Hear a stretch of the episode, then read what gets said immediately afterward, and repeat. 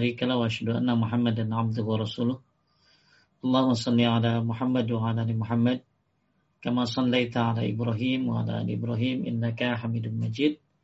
اللهم بارك على محمد وعلى آل محمد كما باركت على إبراهيم وعلى آل إبراهيم إنك حميد مجيد. أما بعد فإن أصدق الحديث كتاب الله وخير الحديث هدي محمد صلى الله عليه وسلم وشر الأمور محدثاتها. Wa kullu muhdatsatin bid'ah wa kullu bid'atin dhalalah wa kullu dhalalatin finnar. Alhamdulillah Bapak Ibu sekalian yang dimuliakan Allah. kita bertemu lagi dalam kajian paduka pembahasan kitab syarah kitab tauhid. Semoga Bapak Ibu khususnya para pengurus ya apa yang dilakukan dalam kajian paduka ini menjadi amal jari ya baik para pengurusnya atau para pendukungnya apalagi eh, semoga menjadi amal ketaatan dan menjadi bekal di sisi Allah Subhanahu wa taala. Ketaatan itu orang yang bahagia adalah kata Imam Syatibi orang yang mudah dalam melakukan ketaatan. Dan pokok daripada ketaatan adalah menuntut ilmu. Dan ilmu yang terpenting adalah ilmu tentang tauhid. Semoga ini menjadi amal jariah buat para pengurus dan pendukung-pendukungnya, insya Allah. Kita masuk kepada pembahasan hadis terakhir dari bab 4 yaitu saya share screen kelihatan kan? Kelihatan.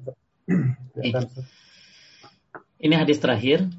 Setelah kita bahas tentang Hadis pertama ya kita masuk ini takut terjatuh kepada kesyirikan. Syirik ada dua, ada syirik besar, ada syirik kecil. Ayat yang pertama bahwa Inna Allah la yaghfiru ayyushraka bihi wa yaghfiru maduna dzalika liman yasha. Ini ayat An-Nisa 48 atau 116 jadikan dalil dosa syirik ini dosa yang harus ditakuti karena tidak dimaafkan oleh Allah Subhanahu wa taala. Kemudian masuk kepada uh, dan bagi yang sudah bertobat ya maka tinggalkan kesyirikannya.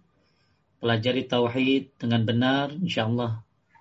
Sebagaimana surat Az-Zumar 53 Allah Subhanahu wa taala mengampuni semua dosa.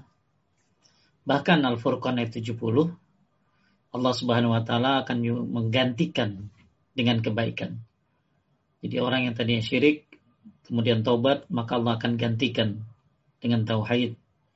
Yang biasa zina, Allah akan gantikan kalau dia taubat dengan menjaga kehormatannya. Yang biasa melakukan amalan-amalan yang bid'ah, maka Allah akan gantikan dengan amalan-amalan sunnah. Kemudian kita sudah bahas juga tentang bagaimana doa Nabi Ibrahim alaihissalam yang takut terhadap kesyirikan. Wajidumni wa bani an na'budal asnam, jauhkan aku beserta anak cucuku agar tidak menyembah berhala. Jadi jangan main-main, ya.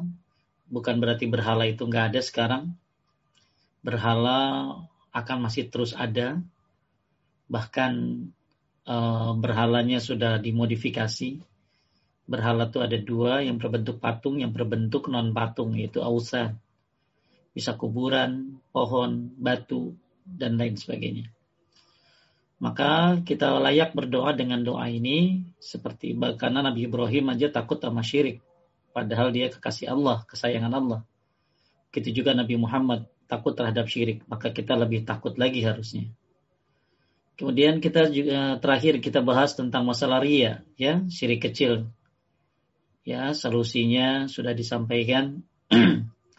Dan uh, uh, sering-seringlah berdoa dengan baca al-kafirun sebelum tidur. Baca doa Allahumma inni a'udzubika nusyika bika wa ana adam astaghfiruka lima alam. Ya, itu doa agar terhindar dari kesyirikan. Kemudian kita masuk pada bab ya uh, ini juga sudah ya man mata wa huwa yad'una min dunillahi niddan dakhalan nar. Siapa yang meninggal dunia dalam keadaan menyembah sesuatu selain Allah maka dia masuk dalam neraka, mendalam neraka. Ya, ya daun di sini ada yang bilang berdoa. Ya, dia mati dalam keadaan berdoa kepada selain Allah, dia masuk neraka. Atau dia dalam keadaan menyembah kepada selain Allah.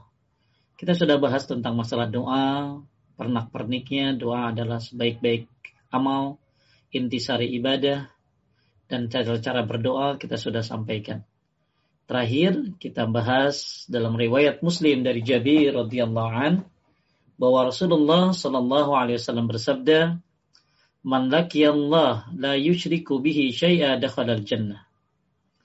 Wa man laqiyahu yusyrik bihi syai'a dakhala an-nar.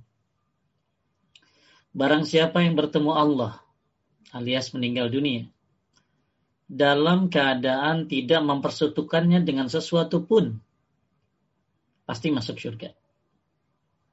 Tetapi barang siapa bertemu dengannya meninggal dunia dalam keadaan mempersekutukan dengannya dengan sesuatu pun pasti masuk neraka. Ini hadis terakhir daripada takut kepada syirik. Maka hendaklah kita lari dari syirik sejauh-jauhnya hendaklah kita menghindar dari syirik se semenghindar-hindarnya sejauh-jauhnya.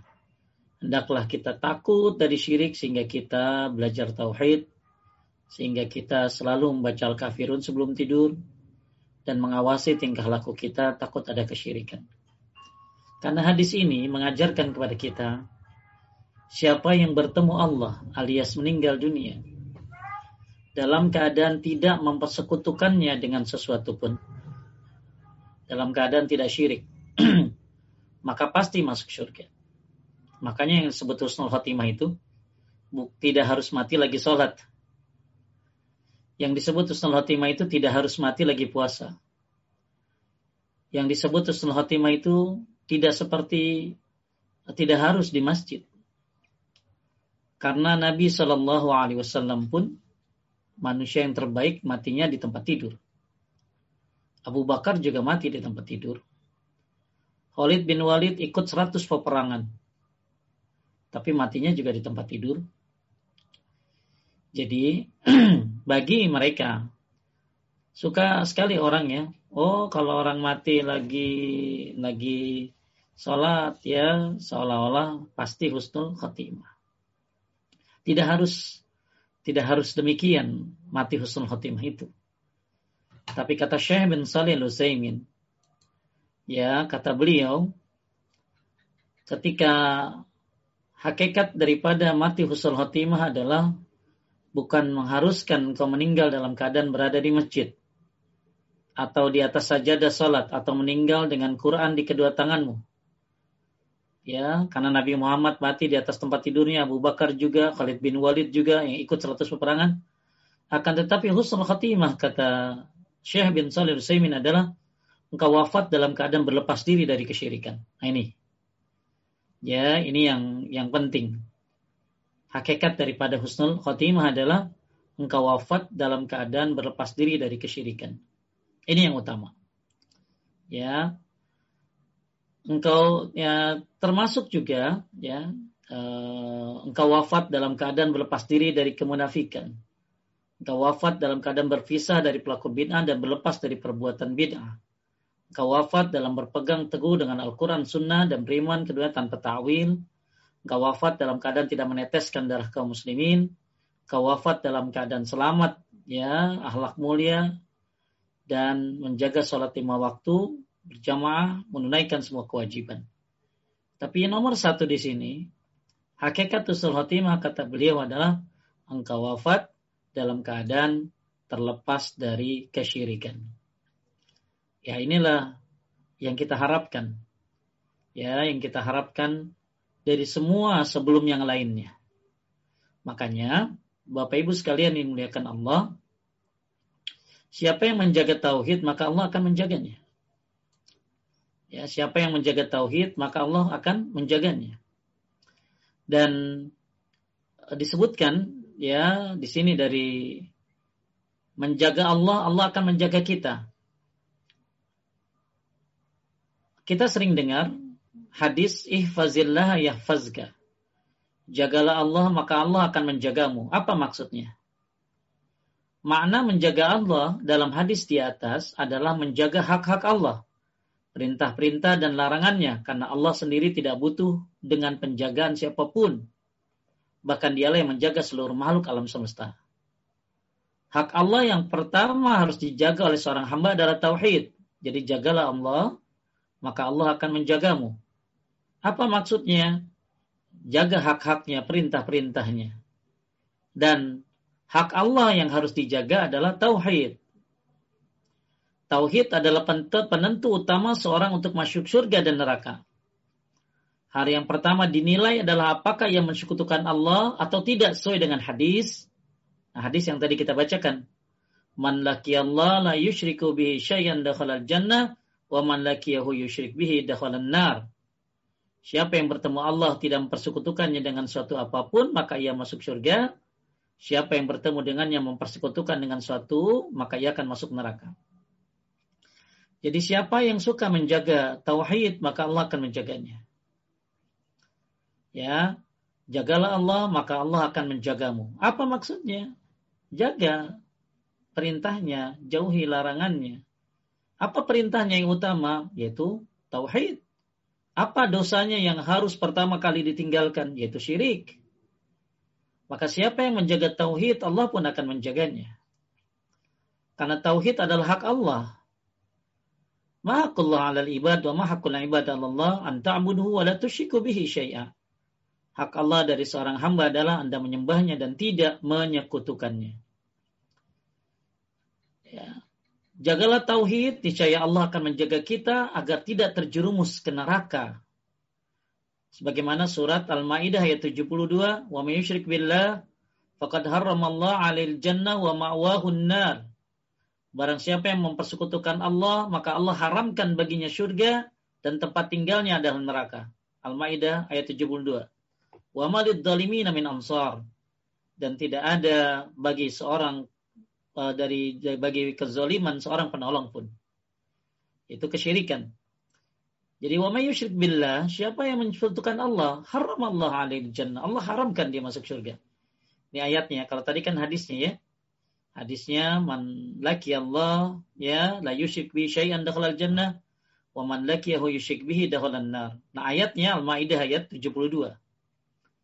Ya, wa may yusyrik billah faqad Allah 'alaihi jannah wa ma'wahu an-nar wa min ansar.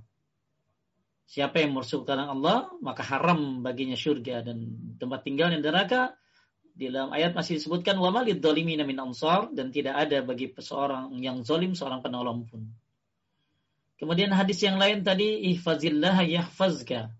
Jagalah Allah maka Allah akan menjagamu. Bukan kita jaga Allah, justru Allah yang menjaga kita. Tapi maksudnya adalah jaga haknya, jaga perintahnya. Apa perintah Allah dan hak Allah? Allah yaitu tauhid. Apa larangan Allah? Jauhi larangannya yaitu kesyirikan. Ya, baru setelah itu baru adalah salat. Ya. Jadi penentu berikutnya adalah salat. Jadi tauhid dulu, baru sholat.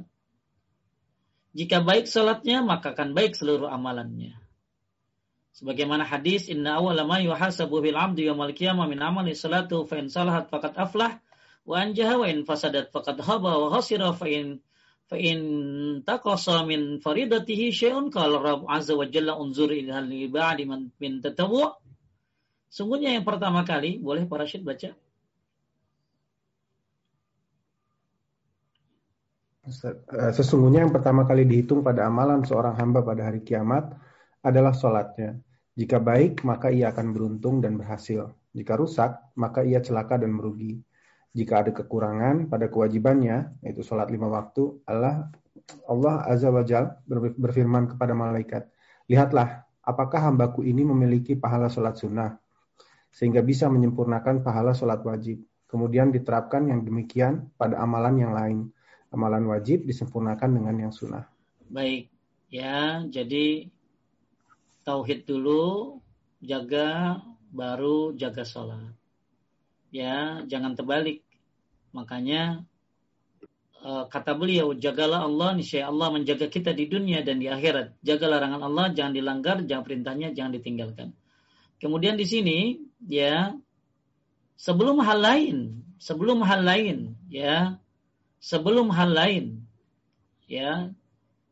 Penentu utama adalah poin ini. Sebelum sholat dan lain-lainnya, maka poin ini yang menentukan. Jika ia mentauhidkan Allah, maka ujung-ujung akhir kehidupannya adalah jannah.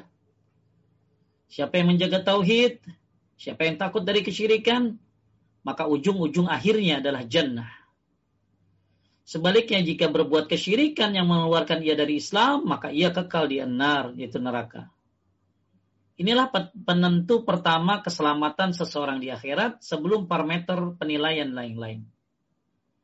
Bahkan itu lebih dahulukan dibandingkan penilaian tentang sholat.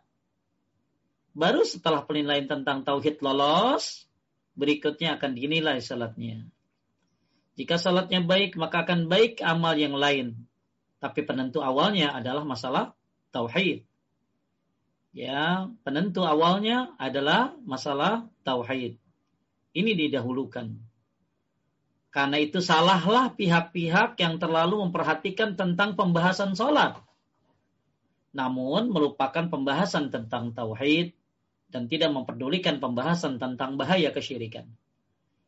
Orang-orang tuh senang banget Pak Rashid kalau bahas tahajud itu pahalanya sekian, udah men banget itu. Duha pahalanya sekian, senang gitu. Tapi begitu bicara tauhid, ini syirik, ini nggak boleh. Ini syirik kecil. Ini nggak boleh. Ini syirik besar. Waduh.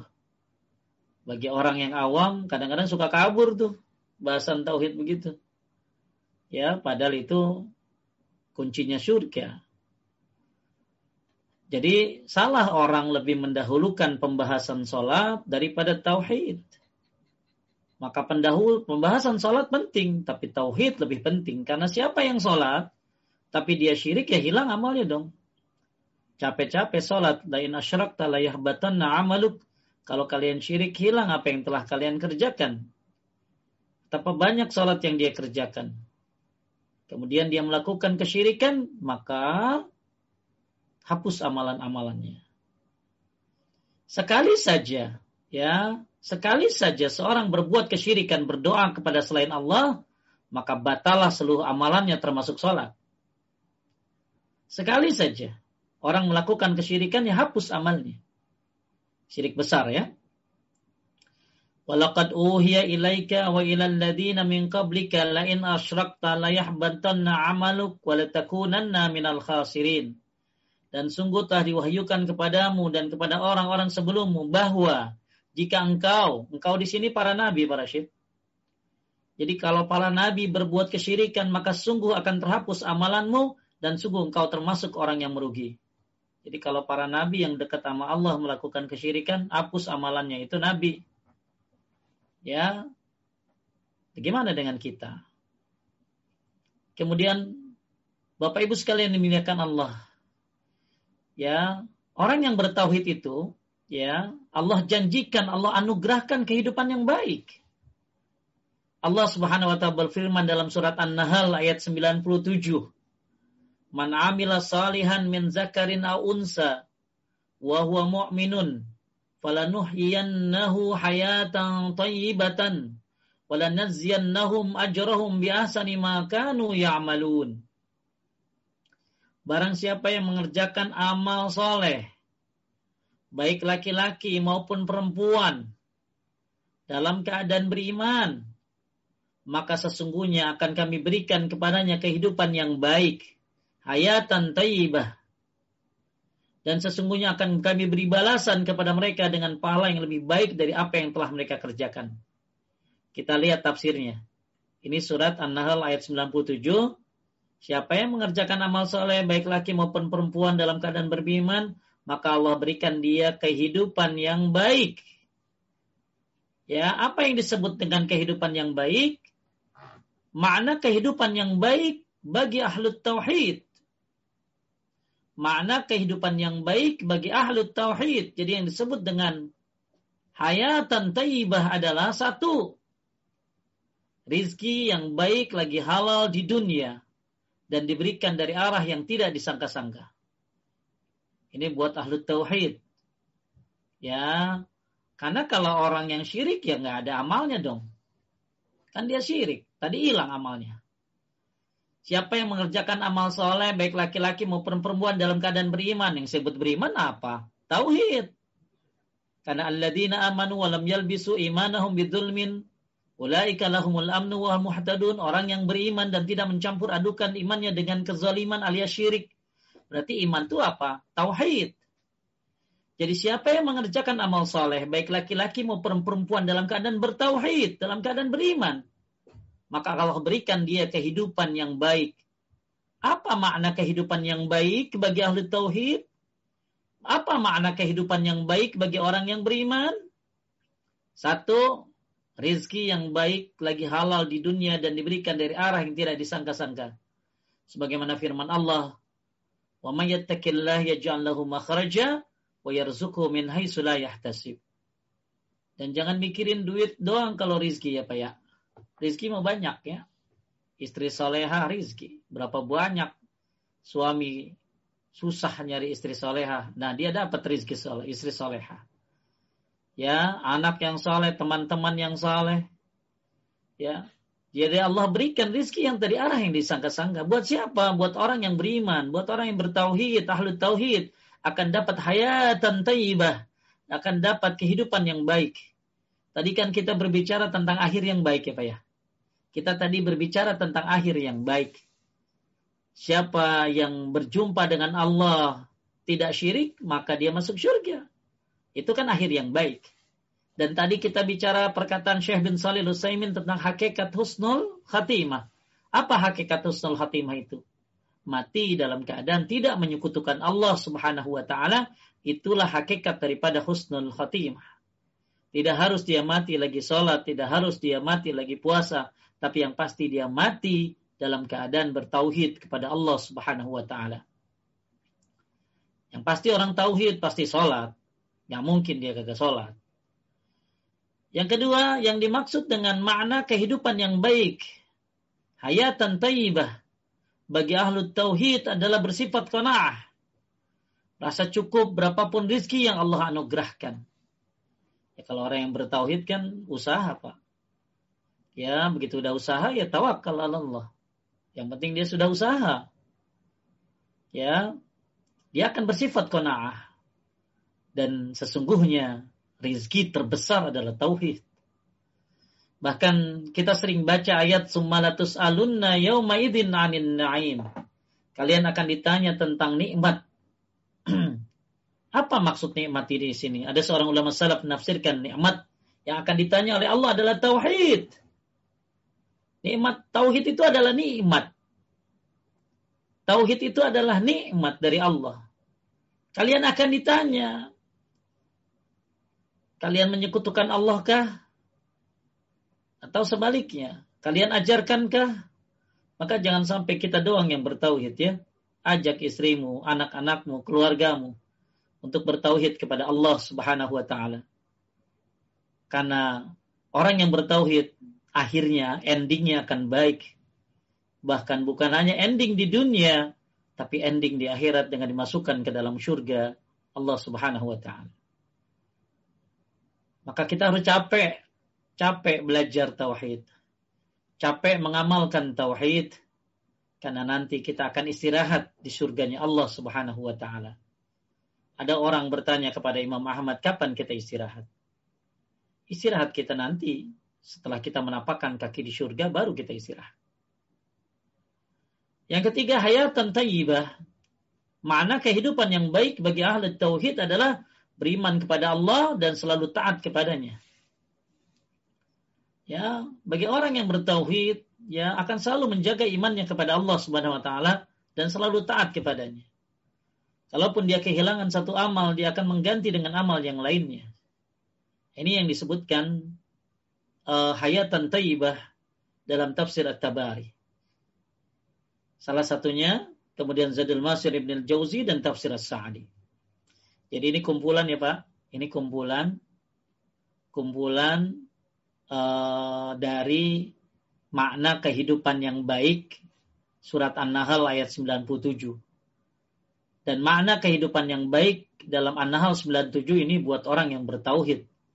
Karena beramal soleh dan beriman dan beriman adalah bertauhid. Kemudian yang keempat, makna kehidupan yang baik bagi orang yang bertauhid adalah meraih manisnya ketaatan kepada Allah. Kemudian yang kelima keselamatan dan kecukupan. Yang keenam kebahagiaan di dunia. Kemudian ridho terhadap takdir Allah, baik yang baik ataupun yang buruk. Kemudian kenikmatan di kubur. Kenikmatan yang dikubur, kenikmatan di kubur. Allah akan berikan kenikmatan di kubur buat orang-orang yang bertauhid kepada Allah. Kenikmatan di surga dan terakhir ketenangan jiwa. Ini uh, dari tafsir At-Tabari ya dari Ibnu Jauzi dan dari tafsir As-Sa'di. Bahkan mereka yang bertauhid disebut dengan kolbun salim. Apa itu kolbun salim? Siapakah kolbun salim? Kita sering dengar ya Pak ya. Ya, kolbun salim. Ada pengajian namanya kolbun salim.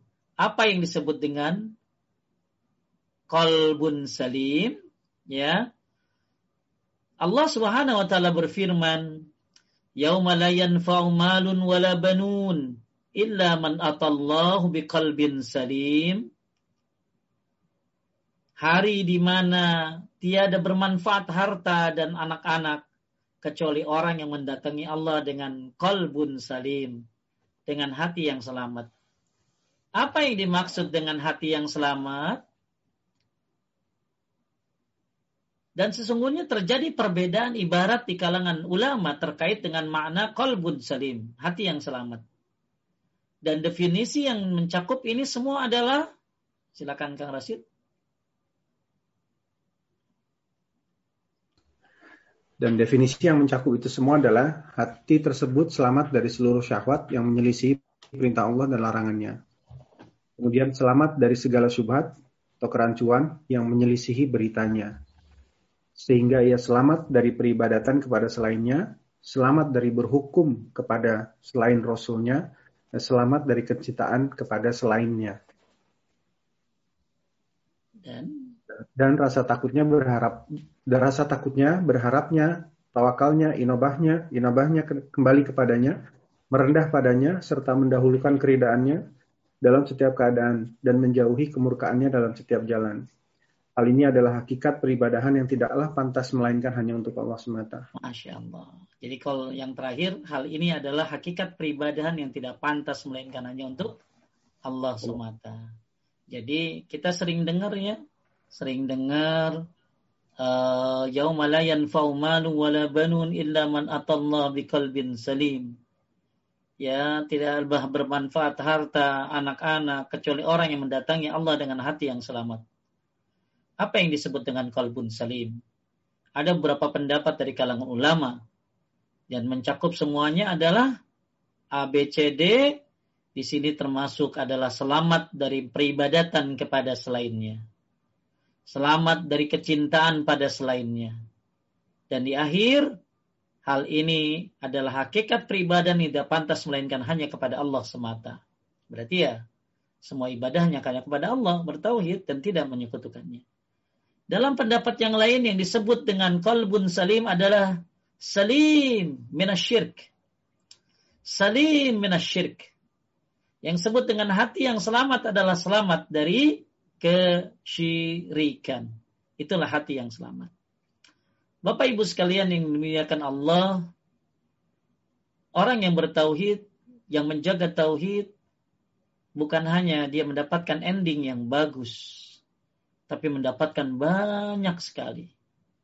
Ya ketenangan jiwa dan lain-lain yang sudah kita bahas tadi. Ya, rizki yang tidak disangka-sangka dan lain sebagainya kenikmatan di kubur, di surga dan lain sebagainya.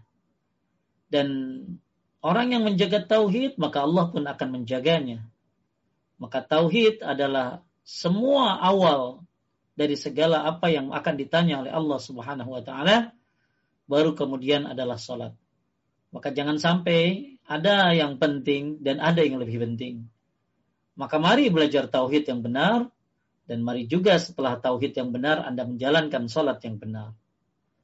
Bapak Ibu sekalian yang dimuliakan oleh Allah Subhanahu wa taala, kita kembali kepada pembahasan hadisnya Kita lihat syarahnya dari buku Ustadz Yazid bin Abdul Qadir Jawas tentang hadis ini. Syarah. Lanjutkan. Imam An-Nawawi rahimahullah mengatakan mengenai masuknya orang musyrik ke dalam neraka, maka hal tersebut berlaku secara umum. Jadi mereka akan masuk ke dalam neraka serta kekal di dalamnya, baik dia itu ahlul kitab, yaitu orang-orang Yahudi dan orang-orang Nasrani, para penyembah berhala maupun orang kafir selainnya. Tidak melihat apakah orang kafir itu menentang Islam dan menyelisihinya, maupun orang itu menyandarkan diri kepada Islam, yakni mengaku Muslim. Akan tetapi dia mengingkarinya, padahal dia tahu perkara dalam agama ini yang menjadikan kafir jika diingkari dan yang semisalnya.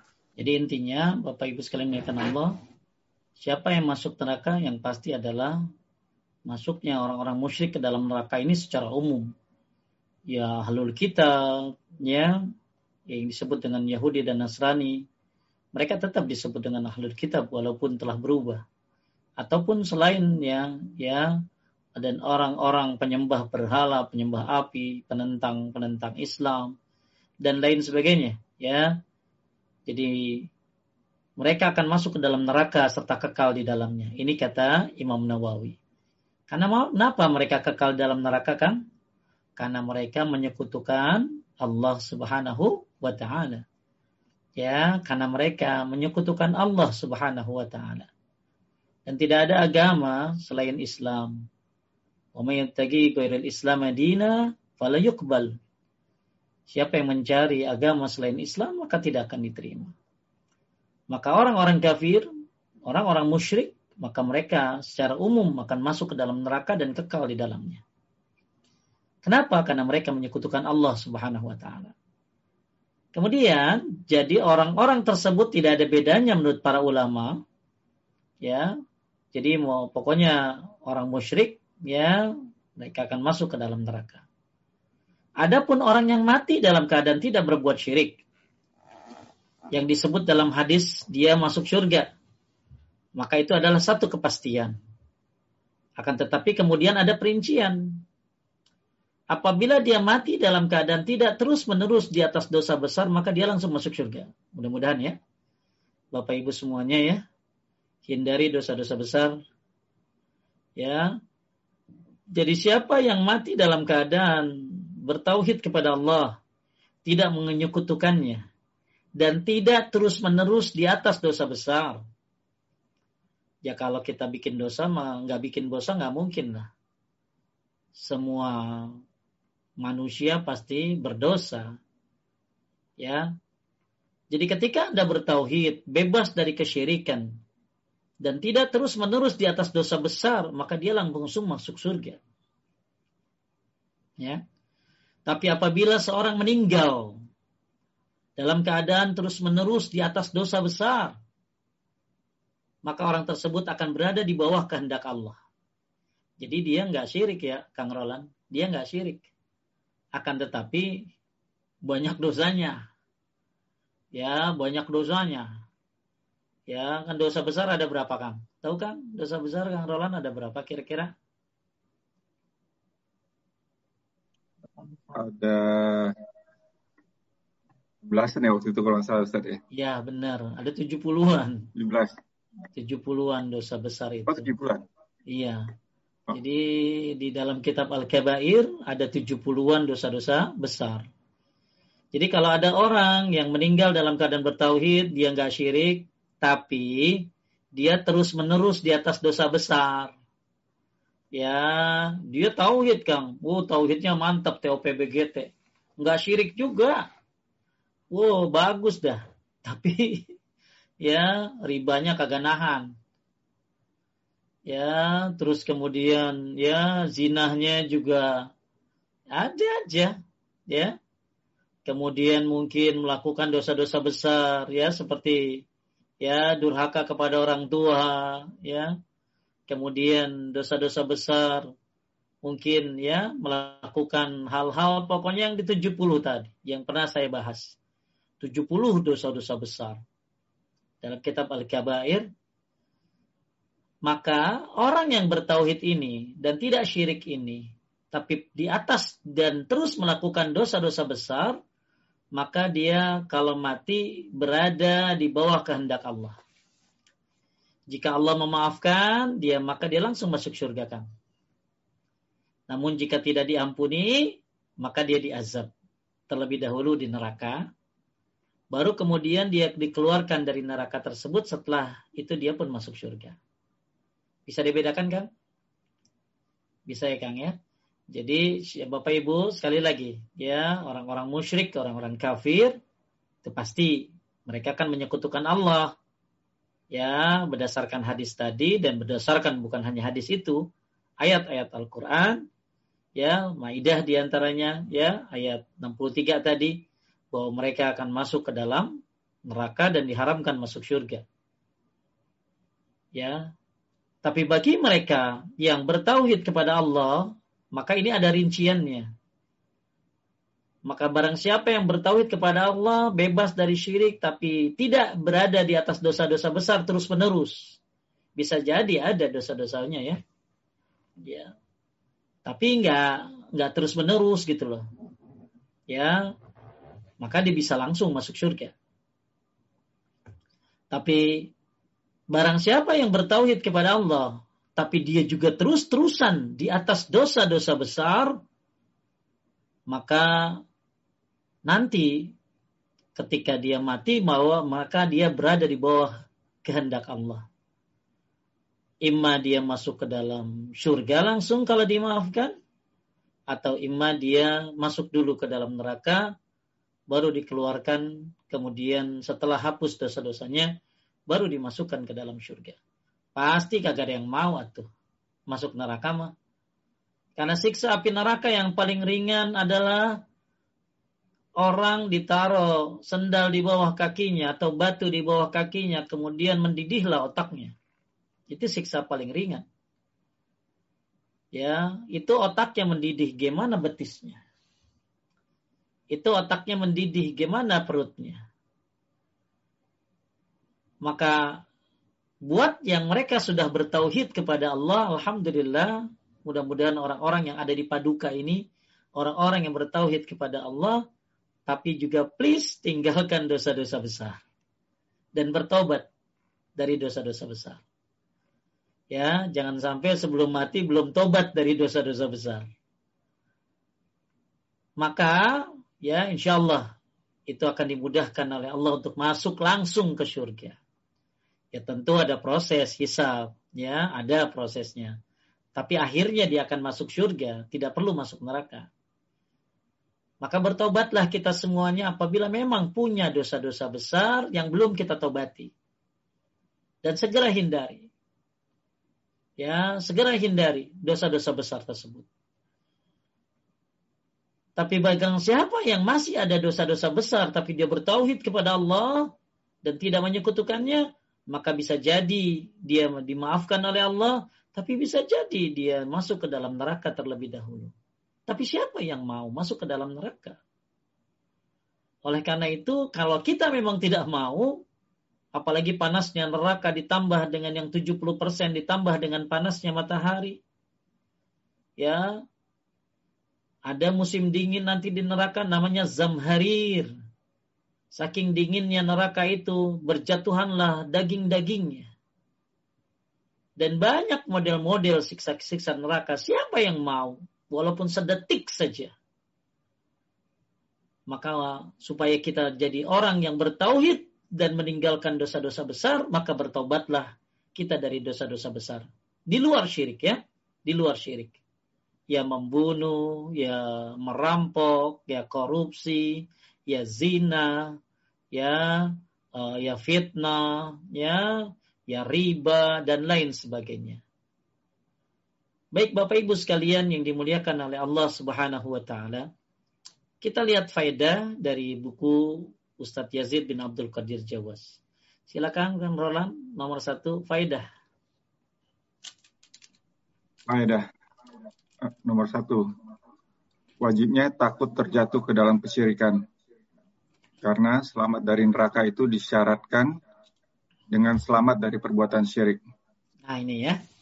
Jadi yang harus kedua, takut semuanya. Yang menjadi patokan bukanlah banyaknya amal, akan tetapi keikhlasan dalam amal ibadah tersebut dan ittiba atau mengikuti syariat Rasulullah Shallallahu Alaihi Wasallam di dalam tata cara ibadahnya hingga tidak beribadat secara bid'ah.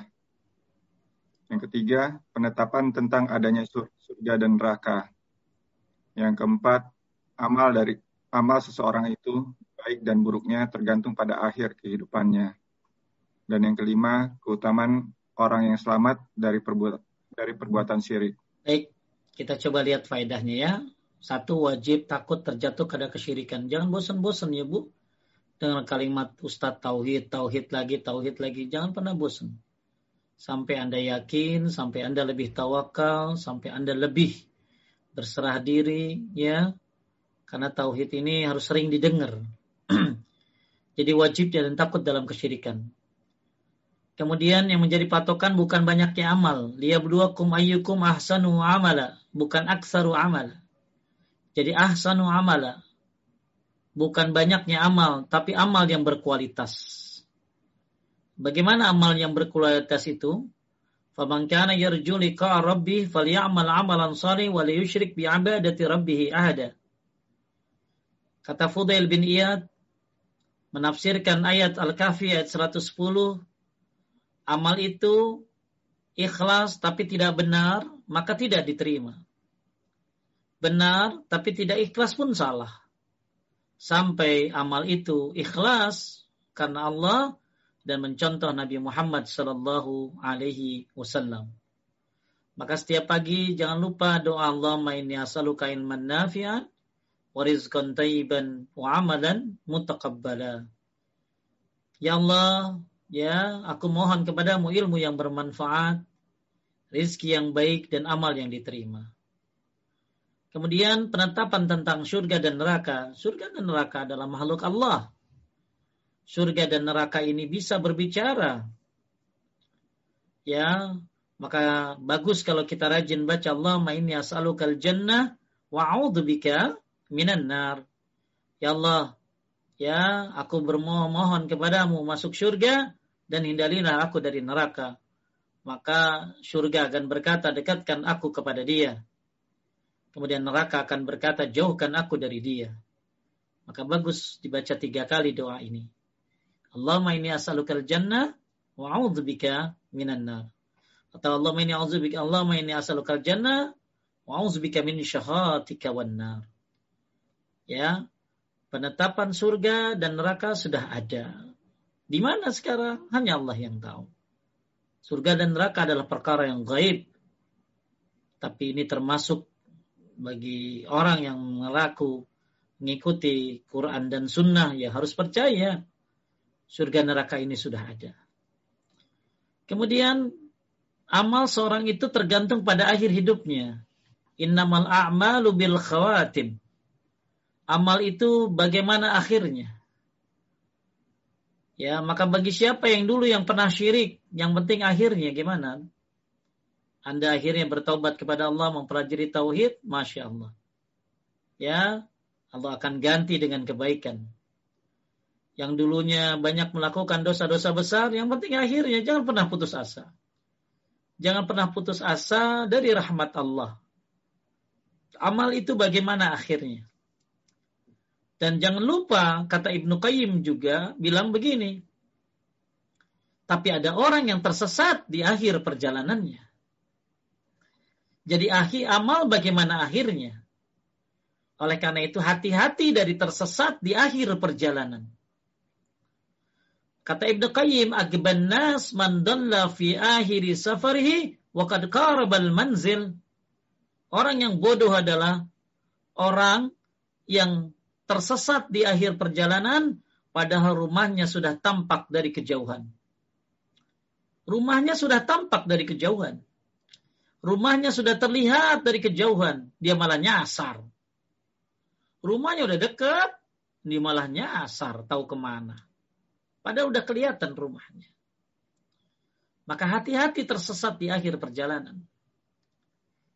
Bapak Ibu sekalian yang muliakan Allah, maka hendaklah diisi masa-masa tua dan masa-masa siapa pun bagi yang yang tidak tidak tidak harus tua ya. Siapa pun khususnya yang tua hendaklah mengakhiri dari akhir-akhir hidupnya dengan beribadah kepada Allah yaitu bertauhid kepada Allah Subhanahu wa taala. Pelajari sholat bagus, tapi pelajari tauhid lebih bagus. Terus belajar tauhid, jauhi kesyirikan, perdalam tauhidmu, dan jalankan perintah-perintah Allah yang lainnya tentunya. Yang kedua adalah sholat. Maka jagalah sholat, itu ya, jagalah tauhid, inilah yang pertama kali. Dan yang kedua, jagalah sholatmu. Maka tauhid dan sholat, dua hal yang akan ditanya oleh Allah. Tapi sholat ditanya setelah tauhidnya. Bagi mereka yang dulu sering meninggalkan sholat, ya bertobatlah kepada Allah. Jangan lakukan lagi. Kemudian perbanyaklah sholat sun, sunnah, qobliyah, ba'diyah. Bagi yang dulu pernah syirik, ya bertobatlah kepada Allah. Bertobat, minta ampun kepada Allah. Dan pelajarilah tauhid. Insya Allah, Allah akan ganti segala kesalahan-kesalahanmu dengan kebaikan-kebaikan sebagaimana surat Al-Furqan ayat 70. Bapak Ibu sekalian yang dimuliakan oleh Allah Subhanahu wa taala, innamal a'malu bil khawatim. Amal itu bagaimana akhirnya. Dan kita tidak tahu kapan akhir kita. Apakah sedang maksiat ataukah sedang dalam keadaan taat. Maka Ibnu Mas'ud radhiyallahu an berkata seorang muslim memandang dosa-dosa itu diibaratkan dengan gunung dan dia tinggal di bawahnya. Jadi seorang muslim itu harusnya memandang dosa itu kayak gunung, dia tinggal di bawahnya. Suatu saat takut gunung itu meletus dan dia ada di bawahnya. Maka matilah dia. Itulah pandangan seorang muslim terhadap dosa. Sedangkan orang-orang fasik, orang-orang fajir, memandang dosa itu dibaratkan oleh lalat. Lalat kan net, ah, net, ah, eh ah ya jangan. Ya gampang ditepis. Ya gampang ditepis. Gampang tinggal tobat tinggal baca subhanallah bihamdi 100 kali beres. Kan ada orang yang begitu tuh. Makanya dalam kitab Yada Wadawa Ibnu Qayyim Al-Jauziyah menjelaskan tentang persepsi salah orang-orang. Jadi ada orang-orang yang yang apa? yang suka meremehkan dosa. Tinggal baca subhanallah tiga tiga, alhamdulillah tiga tiga, Allah akbar tiga tiga, ditutup dengan la ilaha illallah wa la syarikalah. Dalam alhamdulillah qadir bisa hapus dosa lah. Ya. Jadi dia meremehkan dosa. Jadi hati-hati meremehkan dosa. Karena manusia mati bagaimana akhirnya. Dan siapa yang pernah berbuat dosa, maka bertobatlah. Walaupun Anda orang yang bertauhid ya, orang yang bertauhid layaknya harusnya meninggalkan dosa-dosanya yang besar. Jangan sampai dia bertauhid bagus banget, akan tetapi dosa-dosa besarnya juga bagus banget, banyak banget. Kemudian yang terima keutamaan orang yang selamat dari perbuatan syirik. Bapak Ibu sekalian dimuliakan Allah Subhanahu wa taala, inilah akhir dari pembahasan bab 4 takut kepada kesyirikan dan diakhiri setelah kita bahas hati-hati dengan ria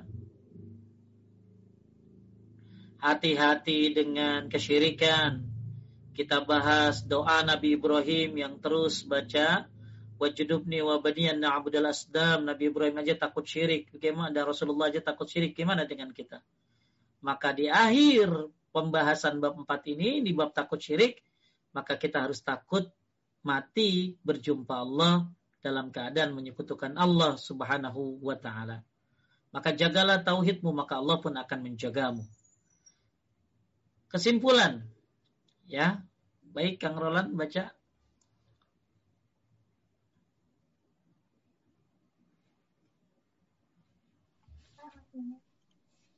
Kesimpulan Syirik terbagi menjadi dua. Syirik besar yang jelas dan syirik kecil yang tersembunyi. Syirik besar bisa mendiadakan tauhid seorang dan mewajibkan pelakunya masuk neraka serta kekal di dalamnya dan haram baginya masuk ke surga. Jadi kebahagiaan terwujud dengan selamat atau bersihnya seseorang dari syirik. Seorang hamba harus benar-benar takut terhadap syirik dan dia harus terus berusaha menjauh darinya, jalan-jalannya, wasilah atau perantaranya, dan sebab-sebabnya. Di samping dia senantiasa memohon kepada Allah Azza wa Jalla agar terlindung darinya. Hal ini sebagaimana yang dilakukan oleh para nabi, orang-orang saleh, dan manusia pilihan, yakni orang yakni mereka memohon kepada Allah agar dijauhkan dari syirik. Hendaknya seorang hamba bersungguh-sungguh menumbuhkan dan menguatkan keikhlasan dalam hatinya dengan cara menyempurnakan ketergantungan kepada Allah dalam beribadah, kembali kepadanya, takut, berharap, berkeinginan kuat, serta bertujuan mencari keridhaan Allah dan pahala darinya dalam setiap apa yang diperbuatnya dan dalam setiap apa yang ditinggalkannya dari perkara-perkara yang zahir maupun batin. Sungguh ikhlas, sungguh ikhlas itu bisa mencegah syirik besar maupun syirik kecil. Sehingga setiap orang yang terjatuh ke dalam kesirikan atau salah satu dari macamnya, maka ini keikhlasannya lemah Ya, Bapak Ibu sekalian dimuliakan Allah, inilah kesimpulan dari pembahasan bab 4 tentang pembagian syirik. Ada syirik besar, ada syirik kecil. Kita sudah bahas dan bedanya apa. Kemudian kebahagiaan terwujud selamat dengan bersihnya seseorang dari syirik yang disebut dengan kolbun salim, ya, hati yang selamat. Kemudian tadi juga seorang hamba harus takut terhadap syirik dan pokoknya jauhi jalan-jalannya, wasilah-wasilahnya, perantara-perantaranya, sebab-sebabnya, pokoknya ditutup semua jalannya. Di samping juga jangan lupa memohon pertolongan kepada Allah dengan doa-doa yang sudah diajarkan. Ya. Jadi kalau orang takut syirik, takut celah-celahnya, jalan-jalannya, tinggalin semuanya. Di samping juga berdoa kepada Allah dan uh, kuatkan keikhlasan. Ya, dengan cara menyempurnakan ketergantungan kepada Allah, berharap, takut, ya, mencari pahalanya dan semuanya, ya, lahir ataupun batin. Bahkan Allah Subhanahu wa taala berfirman, "Innamal musyrikuna najasun." Sesungguhnya kemusyrikan itu najis. Apa maksudnya? Maksudnya bahwa syirik itu najis. Syirik itu najis. Najis akidah, bukan najis badannya. Di dalam kitab Salat dan Mu'amin, Syekh Wahab Al-Qahtani menyebutkan ada juga di dalam kitab Umdatul Ahkam, Syarah Bulughul Maram, Syekh Abdurrahman Al-Bassam. Jadi toharoh itu ada dua ya. Toharoh batin, toharoh lahir. Contoh toharoh lahir adalah wudhu. Mandi junub, bebas dari najis, bebas dari hadas kecil dan hadas besar, ini adalah toharoh lahir. Dan orang lebih suka memperhatikan toharoh lahir daripada toharoh batin. Jadi toharoh lahir lebih banyak disukai oleh orang-orang. Ada orang rajin wudhu, itu toharoh lahir ada orang ya habis kencing cuci kencing itu taharah lahir. Habis junub dia mandi itu taharah lahir. Jadi banyak orang memperhatikan taharah lahir tapi lupa taharah batin. Apa taharah batin? Taharah batin adalah mensucikan hati dari menyekutukan Allah Subhanahu wa taala dan mensucikan hati dari kemaksiatan. Itulah taharah batin. Maka toharoh batin ini lebih penting daripada toharoh batin dan toharoh lahir. Sebagaimana firman Allah tadi, innamal musyrikuna najasun. Kemusyrikan itu najis. Kemusyrikan itu najis. Maka bersihkan diri kita dari najis-najis kemusyrikan. Bagaimana cara membersihkan najis-najis kemusyrikan? Ya dengan bertauhid kepada Allah Subhanahu wa taala. Kemudian bagaimana membersihkan dari najis-najis kemaksiatan? maka dengan bertobat kepada Allah Subhanahu wa taala dan beramal saleh. Bapak Ibu sekalian dimuliakan oleh Allah, mudah-mudahan bab 4 ini menjadi sebuah kesimpulan untuk kita lebih memperhatikan toharoh batin daripada toharoh lahir.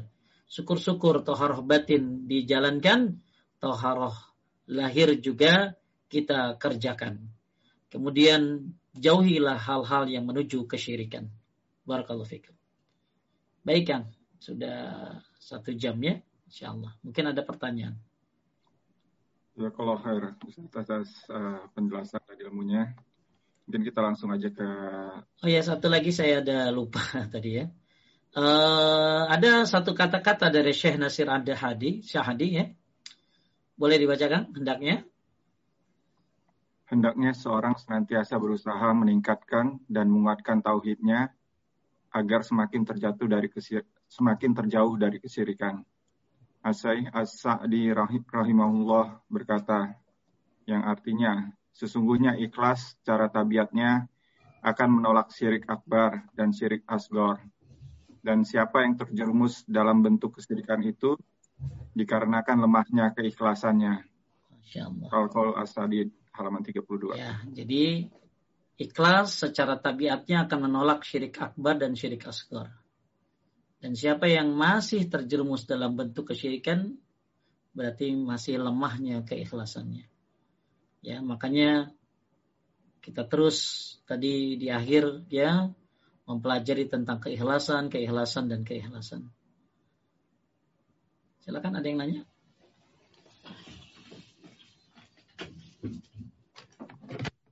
Baik Ustaz, um, untuk pertanyaan seperti biasa akan di share uh, slide-nya.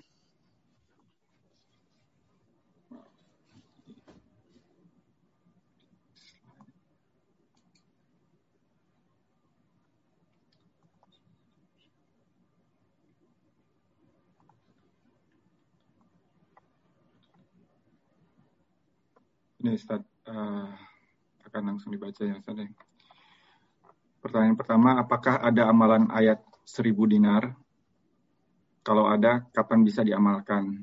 Baik. Mungkin ada screenshotnya juga nih di sini. Ya, dibiarkan nih kan. Ya.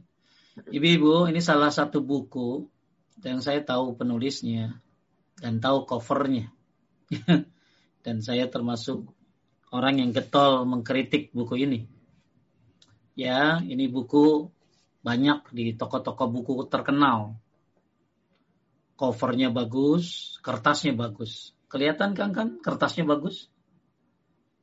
Keren ya kertasnya tuh. Ya, tapi isinya hancur banyak kan. Ya, isinya kenapa saya bilang hancur? Ya karena banyak sekali kebidahan di dalamnya. Dan memang Ustadz tahu saya mungkin dulu expert ya dalam masalah beginian. Jadi saya jadi saya karena saya dulu pemakai ya. Jadi saya tahu. Jadi kalau dilihat ayat ini, ini ayat yang namain seribu dinar tuh siapa gitu lah. Siapa yang namain ayat seribu dinar? Makanya kalau bapak ibu ya eh, apa lihat di bantahan ayah ada di sebenarnya kalau bapak pengen apa eh, pengen eh, jelas ya disebutkan gini kalau kita lihat ya nih ini ayatnya dia ini sebenarnya itu kan perintah ya Pak ya. Coba lihat ya. Wa mayyattaqillah yaj'alahu makhraja. Ya. Wa mayyattaqillah. Siapa yang bertakwa kepada Allah. Yaj'al. Jadi lahu makhraja. Allah jadikan dia banyak jalan. Dia Allah berikan dia jalan keluar. Wa yarzukhu min haisulayah tasib. Dan Allah berikan rizki yang tidak disangka-sangka Barang siapa yang bertawakal kepada Allah maka itu cukup. Ya. Nah, pertanyaan saya, coba Kang Ras, Kang Ralan jawab. Di sini perintah apa perintahnya? Perintahnya apa Kang di sini? Bertakwa kepada Allah. Bertakwa kepada Allah dan bertawakal, betul? Jadi bukan baca ayat ini seribu kali, setiap habis sholat baca sebelas kali. Ini berapa kali nih Kang? Pokoknya kalau ada ada berapa kali berapa kali itu harus dicurigai Kang. Kecuali yang memang jelas dari sunnah. Habis maghrib, habis subuh, la ilaha wa la syarika la lahul mulku alhamdulillah wa yumit wa ala kulli syai'in qadir. Ya. Jadi ini ayat uh, jadi apalagi banyak ya yang ada berapa kali berapa kali gitu ya. Subhanallah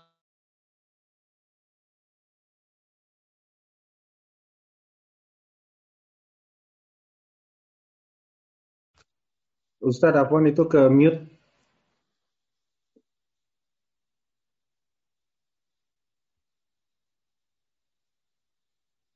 Di mute Ustadz. Ya, siapa yang mutin tuh? ya, nah, admin ngemut nih. nah, jadi uh, sampai dari tadi ya Kang ya. Uh, enggak Ustaz. Baru ya. Jadi ini sebenarnya ayat ini perintah bertakwa dan bertawakal ya Bu ya. Apa takwa itu? Jalankan perintahnya, jauhi larangannya.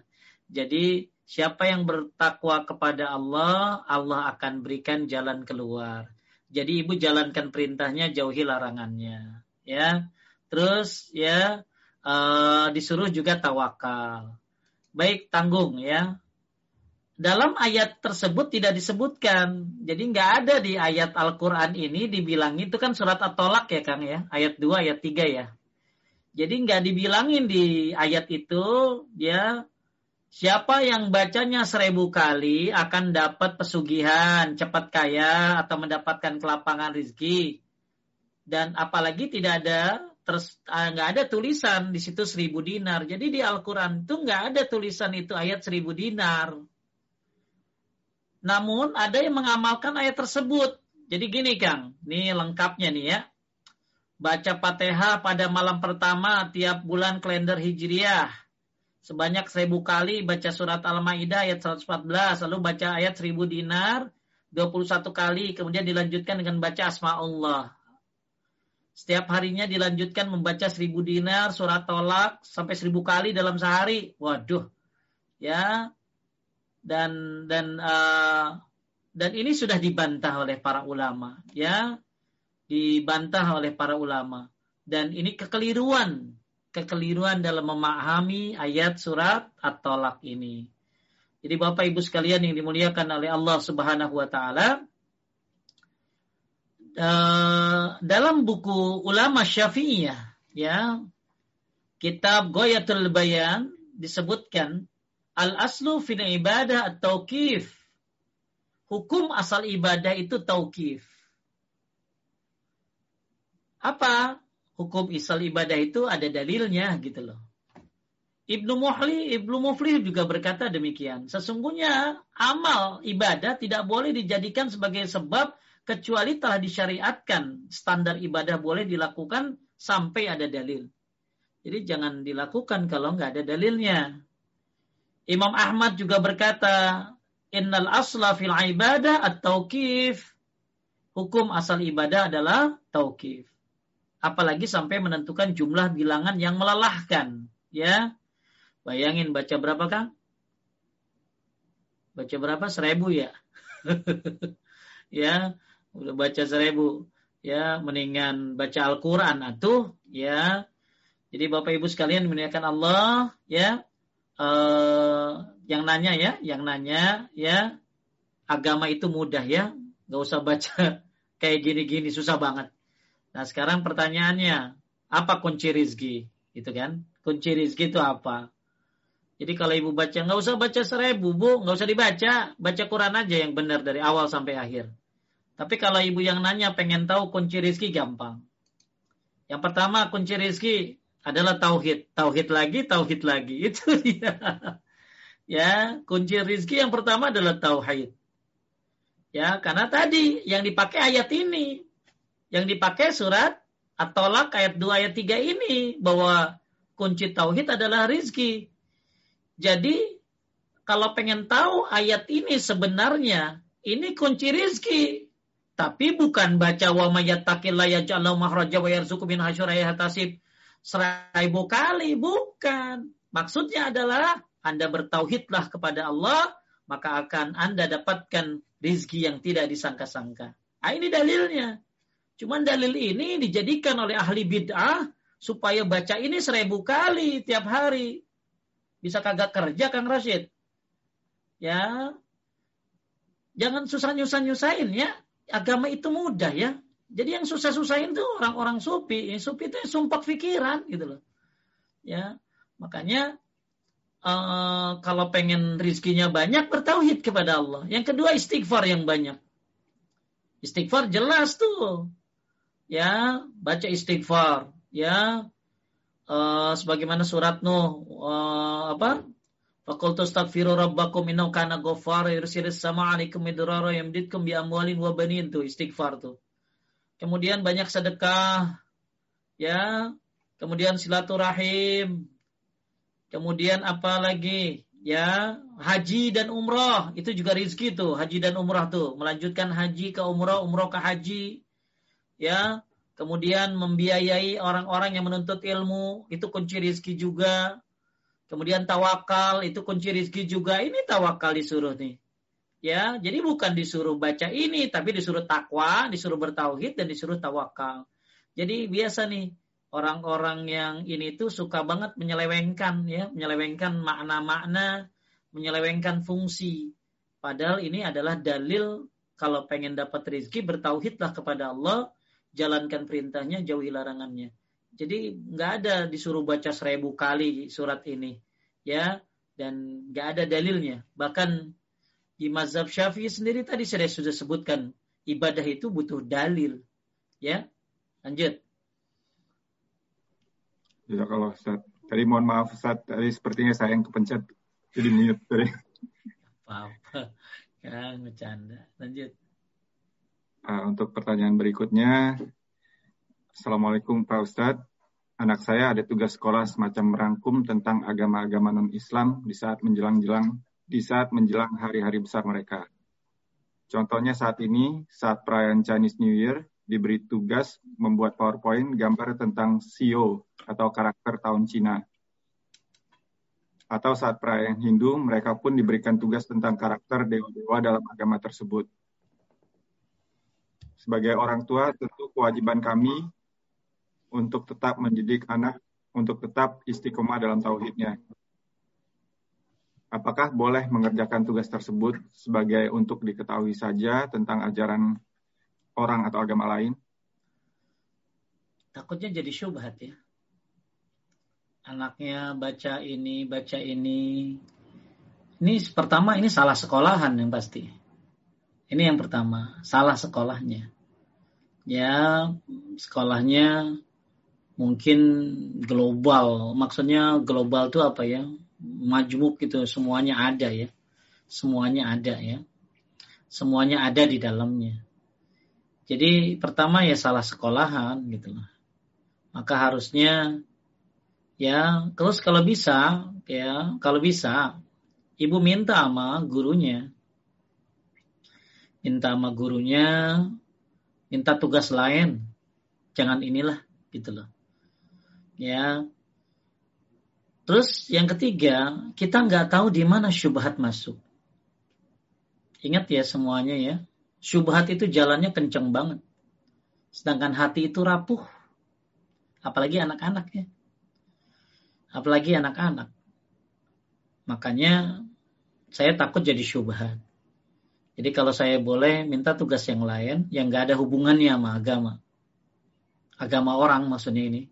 Ya, apalagi di sini sio-sio, aduh, ya.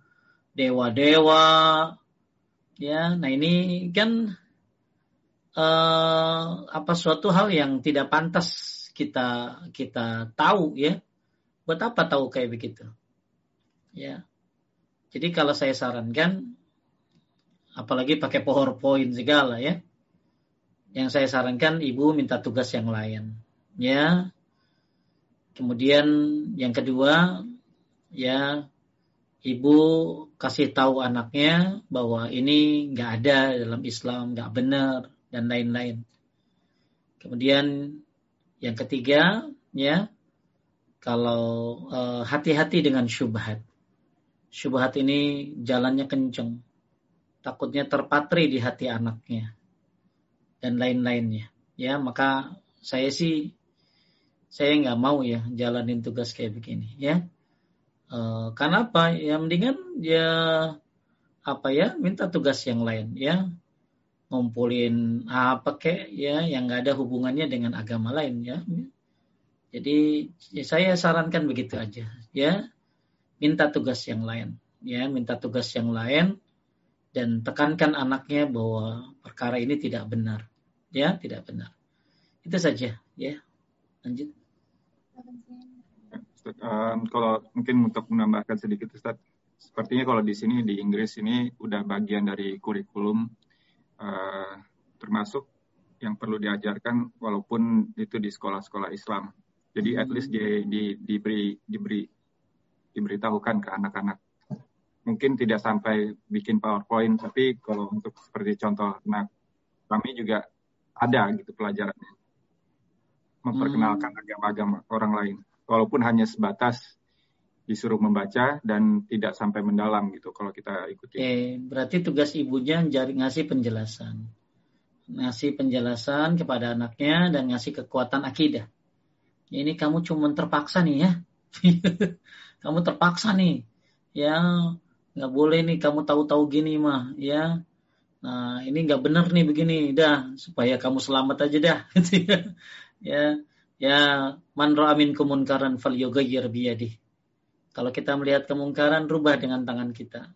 Kalau anda punya kekuatan kekuasaan di sekolah itu ya rubahlah. Ya rubahlah. Jadi kalau sekedar tahu bo eh, sekedar tahu sih nggak apa-apa ya. Tapi kalau sampai begini kan sampai dibikin ya karakter dewa-dewa ya. Kemudian kayaknya berlebihan Kang jadi ini. Ya kan kalau tadi Kang Kang Roland bilang hanya sekedar tahu. Tapi kalau ini dikasih tugas karakter terusan terus uh, apa membuat powerpoint gambar dan lain-lain. Nah ini yang saya berat ya. Jadi uh, satu rubah dengan tangannya mungkin bisa minta usul tadi sama ininya ya minta diganti ya. Kemudian kalau nggak bisa ya pakai lisan. Kalau nggak bisa juga pakai hati. Ya, pakai hati. Berat untuk uh, apa melaksanakannya dan hati mengingkarinya. Ya, hati mengingkarinya. Tapi diusahakan poin satu nomor dua dulu. Satu dan nomor dua dulu diusahakan dirubah dulu, diusulkan, minta tugas lain, atau ya bagaimana caranya ibu-ibu kumpul supaya supaya uh, kalau memang terpaksa ya terpaksa ya. Yang penting jangan sampai mengakui ya jangan sampai mengakui. Dan saya takut tadi syubhat ya syubhat. Kalau sekedar tahu ya nggak masalah kan kita tahu agama-agama kan banyak ya. Agama-agama yang yang yang selain Islam kan banyak ya yang diridhoi Allah ya cuman satu Islam maka ibu kasih penjelasan kepada anak-anaknya eh, kalaupun memang terpaksa nggak ada jalan keluar ya Wallahu a'lam. Untuk pertanyaan berikutnya Ustaz, uh, pertanyaan nomor tiga, Assalamualaikum Pak Ustaz. Kita tidak tahu apakah orang tua kita saat meninggal dunia dalam keadaan syirik atau bukan. Apa, apabila seorang anak mendoakan atas semua doa atau syirik yang telah ini mungkin ampunan atas semua dosa dan atau syirik yang telah diperbuatnya. Apakah doa seorang anak tersebut diterima Allah? Ya, yang bagus minta ampunan aja. Kalau memang orang tuanya yang tahu dia tahu mati dalam keadaan Islam itu aja. Jadi kalau kita nggak tahu ya orang tua itu dalam keadaan syirik apa enggak, dan yang kita tahu dia mati dalam keadaan Islam aja yang penting, ya dalam keadaan beriman kepada Allah, maka boleh didoakan. Ya, karena Anda nggak tahu ya. Tapi kalau dia mati dalam keadaan non-muslim, ya nggak boleh didoakan kalau udah meninggal. Tapi kalau hidup masih boleh didoakan supaya dapat hidayah, ya. Dikasih kesempatan untuk mengenal Islam. Nah, jadi kalau Anda yang Anda tahu di matinya apa, orang tua ini matinya dalam keadaan apa? Oh, dalam keadaan Islam, Pak Ustadz, saya nggak tahu orang tua pernah berbuat apa. Ya udah, yang Anda tahu kan secara zohirnya uh, orang tua Anda Islam, ya udah doakan saja. Doakan mintakan ampun, ya. Itu aja. Allah magfirlahu warhamhu ya atau Rabbana firli wali walidayya pakai Ibrahim 41 yang sudah pada hafal mungkin. Ya, itu. Itu saja saran saya. Lanjut. Allah, Ustaz. Untuk pertanyaan berikutnya, pertanyaan nomor 4. Bismillah. Pak Ustadz, apakah disebut lemah imannya bila sering datang godaan bermaksiat, padahal orang tersebut sudah berusaha menutup jalannya maksiat? Misalnya, dengan memblok telepon, menghindar dari hal-hal tersebut. Amalan apa yang harus diamalkan agar tidak goyah? Kalau khair. Baik, Masya Allah. Jadi, kalau orang hijrah ya Pak, Bu, pasti diuji ya. ya, Allah itu menguji eh, apa orang-orang jangankan kita ya. Para nabi aja diuji oleh Allah Subhanahu wa taala. Makanya Bapak Ibu sekalian yang muliakan Allah, kita akan diuji sebagaimana dalam surat Al-Ankabut ayat 2 atau ayat 3 bahwa manusia dia akan diuji oleh Allah Subhanahu wa taala uh, sampai Allah tahu siapa yang jujur dan siapa yang berdusta. Jadi Allah Subhanahu wa taala menguji. Makanya kalau ada orang hijrah pasti diuji ya. Orang hijrah itu diuji. Dan ujian ini kata Ibnu Qayyim hanya di awal saja. Selanjutnya nanti akan mudah dia kalau bisa melewati awal-awal ini. Jadi ketika Anda udah tobat, udah tobat dari zina, pokoknya udah nutup semua jalan. Ya udah blokir kontak di Delcon, pokoknya film-film yang nggak bagus, aurat dia nggak tonton. Maka uh, ini satu usaha, satu usaha bagus. Dan memang ulama seperti Ibnu Taimiyah sendiri bilang bahwa ada dua dosa yang sulit dibendung karena banyak jalannya, yaitu dosa mulut dan dosa kemaluan. Jaga kemaluan dan jaga mulut ini sangat sulit dibendung dan kenapa? Karena banyak jalannya. Makanya butuh ekstra gitu loh. Makanya ketika uh, Anda mengaku saya pengen meninggalkan semua kemaksiatan Pak Ustadz yang pernah saya lakukan, misalnya zina aja maka pasti Anda akan diuji. Ya, tiba-tiba yang dulu kagak pernah ngubungin, ngubungin. tiba-tiba masuklah, hai Cin, apa kabar? Wah, ya, lupa ya, dan lain-lain. Ya, mungkin Kang Roland lebih pengalaman mungkin dari saya untuk jawab masalah ini, silakan. Atau Kang Rosid. Jadi setiap orang yang hijrah pasti akan diuji ya, Bapak Ibu ya. Dan ujiannya ini hanya di awal saja. Saya punya teman, ya. Tadi pagi saya ketemu teman tersebut. Dan dia bilang, emang kalau udah hijrah godaan teh banyak banget Pak Ustadz. Dari mulai proyek-proyek yang enggak yang yang istilahnya yang tidak syar'i sampai ke masalah wanita, jadi ketika emang orang hijrah ya pasti digoda. Apa tujuan godaan?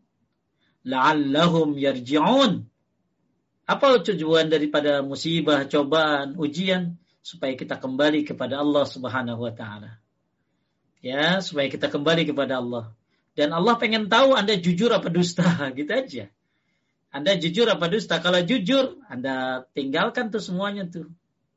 Kalau dusta, Anda akan terombang ambing tuh. Makanya Anda jujur apa enggak, nah, itu kembali kepada Anda. Anda jujur apa enggak, silahkan jawab sendiri. Kalau Anda jujur, Anda bisa ninggalin itu insya Allah. Tapi kalau Anda enggak jujur, berarti masih ada keinget-inget lah, dikit lah ya. Apalagi yang cakep-cakep keinget di otak, nah itu enggak jujur itu. Ya, ah, masih suka buka-buka dikit-dikit, enggak jujur itu. Ya, amalan apa Pak Ustadz? Ya, kalau amalannya sih ada, ya doanya. Allahumma inni a'udzubika min syarri bas samri sam'i wa min syarri basari wa min syarri lisani wa min syarri kalbi wa min syarri mani. Ya Allah hindarilah aku dari pendengaran yang buruk, dari penglihatan yang buruk, dari ucapan yang buruk, dari hati yang buruk, dan dari air mani yang buruk. Ini doa bagus dibaca uh, supaya kita dihindari dari air mani yang buruk, pandangan yang buruk, pendengaran yang buruk, hati yang buruk, semua yang buruk-buruk khususnya dari kuping, mata, mulut, hati, dan kemaluan. Semoga dimudahkan. Apalagi yang lain, puasa Pak. Puasa Pak Rashid. Puasa, ya puasa. Ya puasa ini, apalagi yang jomblo ya, jomblo banyakin puasa tuh. Ya ayuhas syabab man istata'a minkumul ba'a falyatazawwaj fa innahu agaddu lil basar wa ahsanu lil farj. Wahai para pemuda, kalau kalian mampu maka menikahlah. Karena menikah ini menjadikan apa? Pandangan terjaga dan kemaluan terjaga. Paman lam yastati fa'ali bisawm. Barang siapa yang nggak bisa maka puasa. Jadi puasa itu. Ya. Puasa kalau yang jomblo ya. ya. Kemudian ya nikah tuh. Nikah. Nikah itu solusi. Supaya apa? Supaya jiwanya itu ya dia menyerahkannya kepada kepada yang halal dan menyerahkan uh, syahwatnya kepada yang halal ini termasuk pahala ibadah ya. Gitu. Kemudian olahraga ya olahraga. Kemudian apalagi Pak Ustadz ya tinggalkan sarananya. Instagram Instagram yang gak bagus, film-film dibusnahkan semuanya ya dan lain sebagainya. Kemudian yang terakhir ya buat uh, ini ya uh, ingatlah Anda akan mempertanggungjawabkan semua perbuatan Anda. Ingatlah azab neraka, izab ingatlah siksa Allah. Nah, ini poin yang terakhir. Mudah-mudahan jadi solusi. Lanjut. Baik. Apa nih, uh, Ustaz, kita ganti-ganti karena uh, ada error sebentar. Baik, uh, yang nomor lima, pertanyaan kelima. Assalamualaikum warahmatullahi wabarakatuh. Afwan Ustadz mau bertanya, selama hidup kita berusaha menjaga agar dijauhkan dari syirik. Tapi syaitan membujuk kita sampai dengan kita sakaratul maut. Amalan apa yang bisa menjamin kita akan dijauhkan dari godaan syaitan di akhir hayat kita? kalau khair Ustaz. Ya memang kata Imam Al-Qurtubi dalam kitab At-Tazkirah kejadian yang diambil adalah kejadian Imam Ahmad. Imam Ahmad itu waktu itu digoda oleh setan sehingga waktu dia mau lagi di akhir akhir hayatnya ya sampai dia ngomong sendiri tidak tidak belum belum tidak tidak belum belum gitu loh. Ternyata begitu siuman dia ditanya sama anaknya kenapa setan datang uh, menggoda Imam Ahmad? Maka Imam Al-Qurtubi menjadikan cerita ini menjadi sebuah sebuah alasan bahwa hati-hati dengan godaan setan di akhir hayat. Ya, kita minta kepada Allah Subhanahu wa taala. Maka ada satu doa, satu doa yang bagus kita baca supaya kita dihindari dari setan di waktu kita syakaratul maut. Allahumma inni a'udzubika an yatahabbatani syaitan indal maut. Ya Allah, aku berlindung kepadamu dari uh, godaan setan ketika syakaratul maut. Ya. Mungkin Ibu Ica kalau ada doanya ya pernah dikasih ya silakan ditolong di share kalau ada Ibu Ica atau jamaah saya yang pernah saya kasih doanya. Jadi di antara doanya adalah Allahumma inni a'udzubika an yatakhabbatani syaitan indal maut. Oh ya, saya masih ingat kok doanya. Saya share ya. Ini saya ada lihat di konsultasi syariah. Coba coba. Sebentar, saya share ya, saya share screen. Ah ini, eh. Bukan. Eh, ini, ini, ini, ini, ini Kang. Ini, ini Kang. Yang ini. Ya, ini.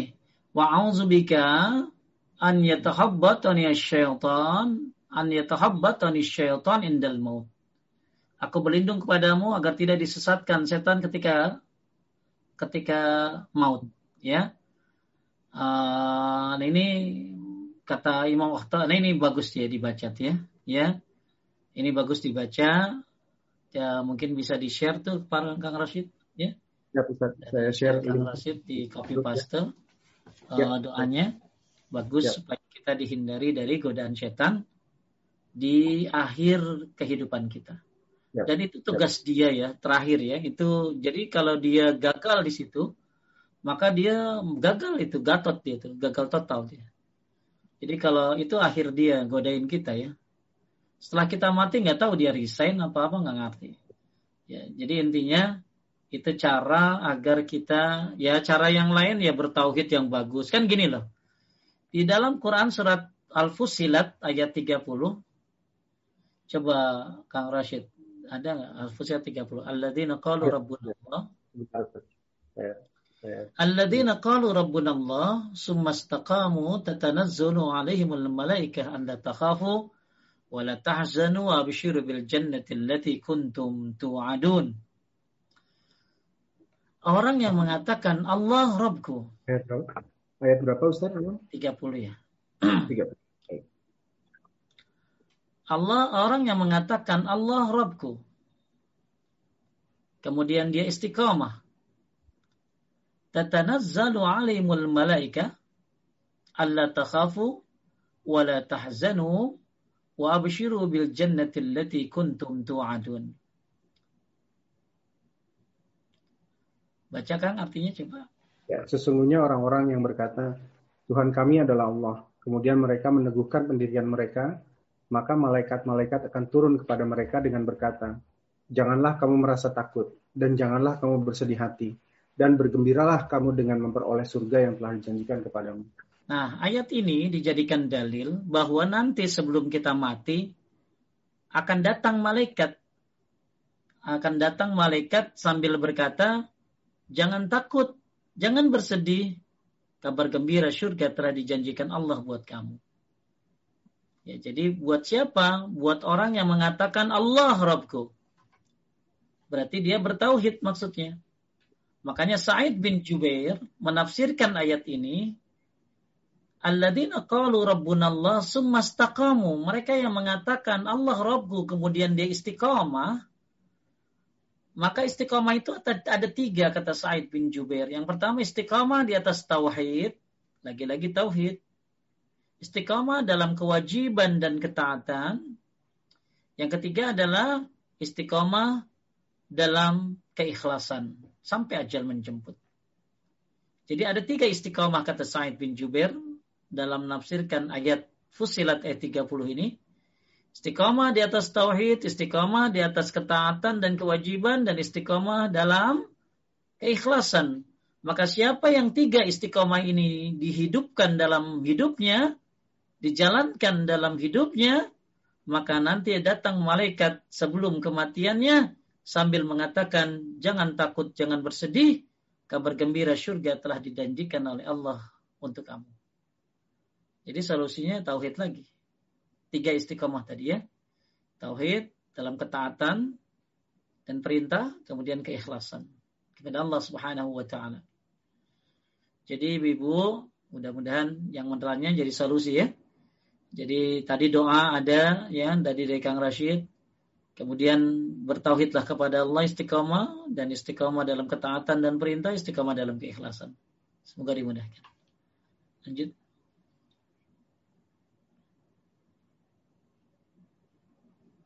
Kemudian satu lagi maaf terlupa ya.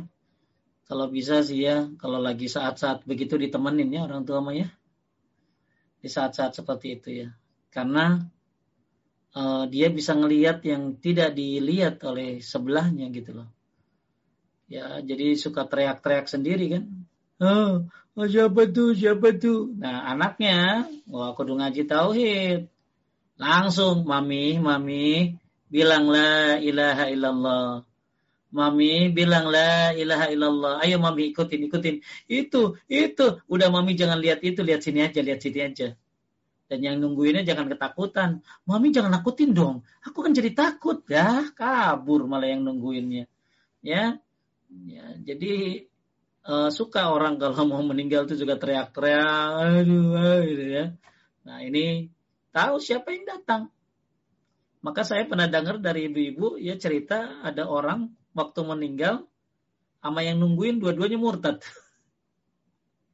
Dua-duanya murtad sebelum meninggal. Jadi yang nungguin sama yang mau meninggal murtad dua-duanya sebelum meninggal.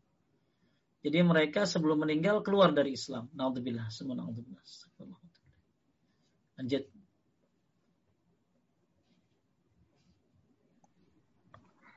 Sebentar, Ustaz. Uh, akan di-share untuk pertanyaan berikutnya.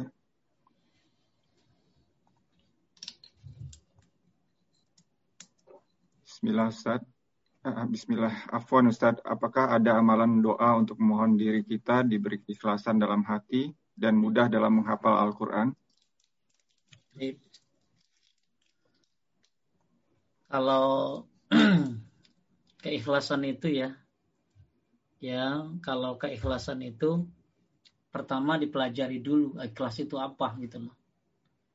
Salah satu definisi ikhlas adalah melihat khalik dan melupakan makhluk salah satu definisi ikhlas yang disampaikan oleh ulama adalah ikhlas itu tidak bertambah kalau dipuji dan tidak berkurang kalau dihina.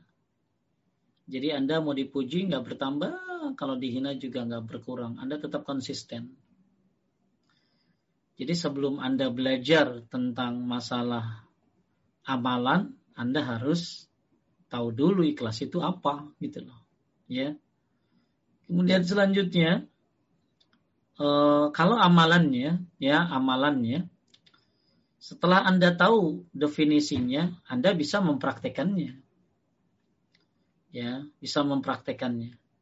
Nah, kalau untuk anda bisa baca, ya bisa uh, karena kayak apa keikhlasan ini masya Allah ya satu hal yang yang sangat sangat luar biasa ya tantangannya untuk bisa jadi orang yang ikhlas. Ya, makanya orang yang ikhlas itu butuh kesabaran. Ya, sabar dalam ketaatan. Sabar ketaatan itu ada tiga. Sabar dalam menjalankan yang wajib. Sabar dalam menjalankan yang sunnah. Sabar dalam tidak menceritakan amalnya kepada orang lain. Dan kemudian uh, tadi so, uh, itu apa tadi sabar dalam dalam ketaatan. Ada lagi sabar dalam menahan kemaksiatan, yang terakhir sabar dalam menerima takdir Allah. Jadi orang ikhlas butuh kesabaran. Kemudian tadi sore saya bahas sebuah kitab tentang amalan sunnah dalam setahun. Disebutkan bahwa salah satu cara mendapatkan keikhlasan adalah dengan cara memperbagus iman dan ketakwaan. Iman itu apa sih? Ya, iman itu kan diucapkan oleh lisan, dilakukan oleh perbuatan, dan diyakini oleh hati. Dan imannya ini bertambah karena ketaatan dan berkurang karena kemaksiatan. Jadi supaya keikhlasan dimuncul, maka iman dimunculkan terlebih dahulu. Jadi kalau kita pengen jadi orang yang ikhlas, maka yang utama sebelum Anda menjalankan keikhlasan, Anda tingkatkan dulu keimanan dan ketakwaan. Gimana cara meningkatkan keimanan? Baca Al-Quran, berteman dengan orang-orang soleh, ya, dan lain-lain. Dan amal dan iman itu kan bertambah dan berkurang, bertambah dengan ketaatan. Kemudian tingkatkan ketakwaan. Takwa itu apa? Menjalankan perintahnya, jauhi larangannya.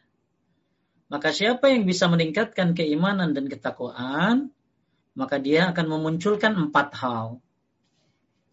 Saya ulangi ya, siapa yang bisa meningkatkan keimanan dan ketakwaan akan memunculkan empat hal. Satu, memunculkan keikhlasan. Dua, memunculkan baiknya keislaman. Jadi Islamnya akan baik dia. Yang ketiga akan uh, mem, mem, apa, membaguskan niat dan tujuannya. Kalau orang imannya udah bagus, takwanya udah meningkat, maka akan me, apa, me, apa, membaguskan niat dan tujuannya. Niat tujuannya itu bagus, ya. Yang terakhir akan menyembunyikan amalnya. Saya ulangi ya, ada empat ibu ya. Siapa yang bisa meningkatkan keimanan dan ketakwaan, maka akan mendapatkan empat hal. Satu keikhlasan, dua baiknya keislaman, tiga baiknya niat dan tujuan, yang terakhir menyembunyikan amalnya. Itu dulu deh. Jadi kalau pengen ikhlas, coba deh imannya, takwanya dijalanin. Ya, uh, ditingkatkan ya, biar nanti muncul keikhlasan itu insya Allah. Lanjut. Ya kalau Hayar Ustadz, untuk pertanyaan berikutnya. Pertanyaan nomor tujuh. Bagaimanakah cara kita menasihati orang yang berbuat kesirikan? Masih percaya orang pintar, sementara orang tersebut lebih tua dari kita. Kenapa disebut orang pintar? Karena yang datang orang bodoh. Makanya dia disebut orang pintar. Gimana cara nasihatinnya Pak Ustadz orang yang percaya sama orang bodoh? Ya, kasih tahu tugas kita mah. Bu, nggak boleh loh Bu. Ini apa dosanya ini loh. Ibu nggak diterima sholatnya loh. Sampai 40 hari ibu nggak diterima sholatnya Bu. Ya, jadi dia sholat tapi nggak dapat pahala itu maksudnya. Jadi siapa yang datang ke dukun dia nggak diterima sholatnya sampai 40 hari. Jadi sholatnya nggak dapat pahalanya 40 hari itu. Terus kalau dia percaya, maka dia telah kafir terhadap apa yang diturunkan kepada Nabi Muhammad Sallallahu Alaihi Wasallam. Sampaikan ya. Setelah disampaikan, ternyata dia masih marah, ngotot, tugas Anda sih selesai ya. Tinggal Anda doakan dia. Ya belum ketipu aja, belum ketipu ya. Nanti kalau ada ketipu puluhan juta baru sadar. Ya, karena biasanya kayak gitu-gitu tuh penipu kebanyakan. Ya, orang jadi ibu terus dia bilang lagi ini bukan orang ini mah bukan dukun, ini mah orang pinter. Sama aja, Bu. Ya. Enggak, ini mah bukan orang pinter, guru spiritual. Ya, ada lagi namanya ganti-ganti. Dulu dukun namanya pakaiannya aja ganti-ganti. Dulu mau hitam mulu, sekarang mau parlente dia. Pakai mobil mewah, bayarnya juga bisa dicicil. Berapa kali bayar? Dulu mau belakangnya dukun matang korak, sekarang mah ya jadi mereka juga memodifikasi memodifikasi diri ya agar agar kelihatan keren gitulah. Bahkan sekarang ada perkumpulan para dukun ya di Banyuwangi ya. Ada perkumpulan dukun ya tukang santet. Nanti mau ada ininya katanya eventnya. Event santet. Nah ya Allah astagfirullah wa ya. Semoga di di apa diberikan hidayah oleh Allah. Ya itu aja ya dikasih tahu ya. Dikasih tahu akibatnya dosanya. Setelah nggak ngerti juga ya didoakan. Ya didoakan. Mudah-mudahan dapat hidayah Baik Ustaz, kalau Khair, untuk pertanyaan berikutnya, kembali akan kami share. Pertanyaan nomor 8, uh, eh, Ustaz, Ana pernah bersumpah atas nama Allah untuk menuntut seseorang di yaumul akhir atas perbuatannya yang melampaui batas. Apakah Ana berdosa melakukan hal tersebut? Enggak, enggak berdosa. Kalau memang yang yang salah dia, itulah. Misalnya ada orang nggak bayar utang gitu ya, Nanti, jadi orang yang suka nggak bayar utang ya bagusin aja ya amalnya ya. Jadi jadi gini lah. Gimana sih kalau kita ditipu orang gitu lah. Sebenarnya kalau kita ditipu orang, satu doa kita bisa mustajab. Dua, itu tidak akan mengurangi jatah rizki kita. Yang ketiga, Anda masih punya hak di akhirat nanti. Jadi walaupun kita ditipu, tetap nanti kita punya hak. Apa hak kita? Anda nanti akan menuntut dia di akhirat. Ya, gak apa-apa. Nanti ya kita selesaikan di akhirat ya. Itu aja udah.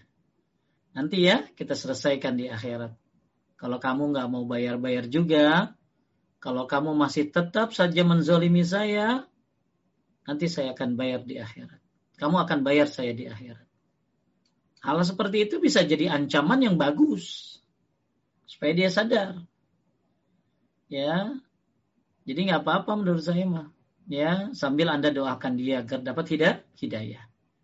Ya, Kadang-kadang Pak, Bu, kita itu dibiarkan tersakiti oleh manusia oleh Allah. Agar manusia tahu betapa tidak pantasnya bersandar kepada manusia. Ya, maka banyak kita bersandar sama manusia kan. Akhirnya sakit hati deh. Makanya kita dibiarkan untuk merasakan itu supaya tahu nggak ada manusia yang bisa dijadikan tempat sandaran. Hanya Allah Subhanahu wa taala yang Maha Rahman, Maha Rahim yang pantas untuk dijadikan sandaran. Tinggal bismillah tawakal bismillah nah apa? Bismillah tawakal tu Allah. Atau maaf, bismillah hasbunallah wa ni'mal wakil. Cukuplah Allah sebagai pelindung kita. Jadi kan menurut saya nggak salah Bu ya. Ya nggak salah kalau memang urusannya benar ya. Ibu yang benar dia yang salah ya secara syiar syariat jelas ya ya apa-apa jadi urat buat yang ditipu nggak ngurangin rizkinya ya kemudian memang batas rizkinya memang sampai situ kemudian doanya bisa mustajab sempetan tuh doain tuh ya doain dia supaya dapat hidayah kemudian yang terakhir ya yang terakhir anda punya hak nanti di akhirat gitu aja lanjut Baik Ustaz, pertanyaan berikutnya. Ini ada dua pertanyaan yang mirip pertanya uh, intinya. Pertanyaan penanya nomor satu saja seperti berikut. Assalamualaikum Pak Ustadz. Apakah percaya bahwa dokter yang menyembuhkan itu adalah salah satu bentuk syirik kecil? Dan pertanyaan penanya yang kedua bertanya sebagai berikut. Assalamualaikum warahmatullahi wabarakatuh. Izinkan kami bertanya, apakah kita syirik apabila kita berobat ke dokter, kita percaya kesembuhan tersebut karena berobat ke dokter tersebut. Baik. Jadi berobat itu ada dua, berobat yang berobat yang syar'i, berobat yang kauni. Ada lagi yang berobat yang syirki yang ketiga. Berobat yang ya, yang syar'i itu pakai zam-zam, pakai ayat-ayat Al-Qur'an, ya Al-Fatihah khususnya. Jadi itu bukan obat alternatif ya, bukan ya. Bukan pengobatan alternatif rukyah itu ya. Salah itu ya. Itu pengobatan yang utama. Kemudian madu, habatus sauda, pokoknya ada dalilnya dari Quran dan hadis itu namanya pengobatan syar'i, ya. Itu boleh. Tapi tetap hati mah kepada Allah yang nyembuhin gitu loh. Itu mah cuma sarana doang sebab. Pengobatan yang kedua adalah pengobatan kauni ilmiah dokter misalnya, herbal misalnya, yang memang dia ahlinya, ahlinya dan memang ada penelitiannya. Jadi nggak salah orang berobat ke dokter. Cuma jangan bilang sembuhan dari dia ya salah. Kesembuhannya dari Allah. Jadi berobat ke dokter boleh ya Bapak Ibu ya. Bahkan banyak para syekh pun matinya di rumah sakit ya. Sedang berobat ke dokter. Syekh-syekh ya jadi mereka berobat ke dokter, tapi hati ya kembali kepada Allah. Alhamdulillah sembuh. Ya, sebab berobat ke dokter tersebut tuh Allah sembuhin saya. Ah, itu gitu ngomongnya. Jangan gara-gara dokter itu gue sembuh. Iya, yeah, salah. Ya, gara-gara Allah Anda sembuh lewat sebab dokter tersebut. Jadi itu pengobatan yang boleh kauni, tapi hati harus menyerahkan semua kepada Allah. Yang terakhir pengobatan syirik, ya nggak ada ilmiahnya, pakai ini weh. Kang Roland, saya sudah transfer energi. Sudah kerasa belum?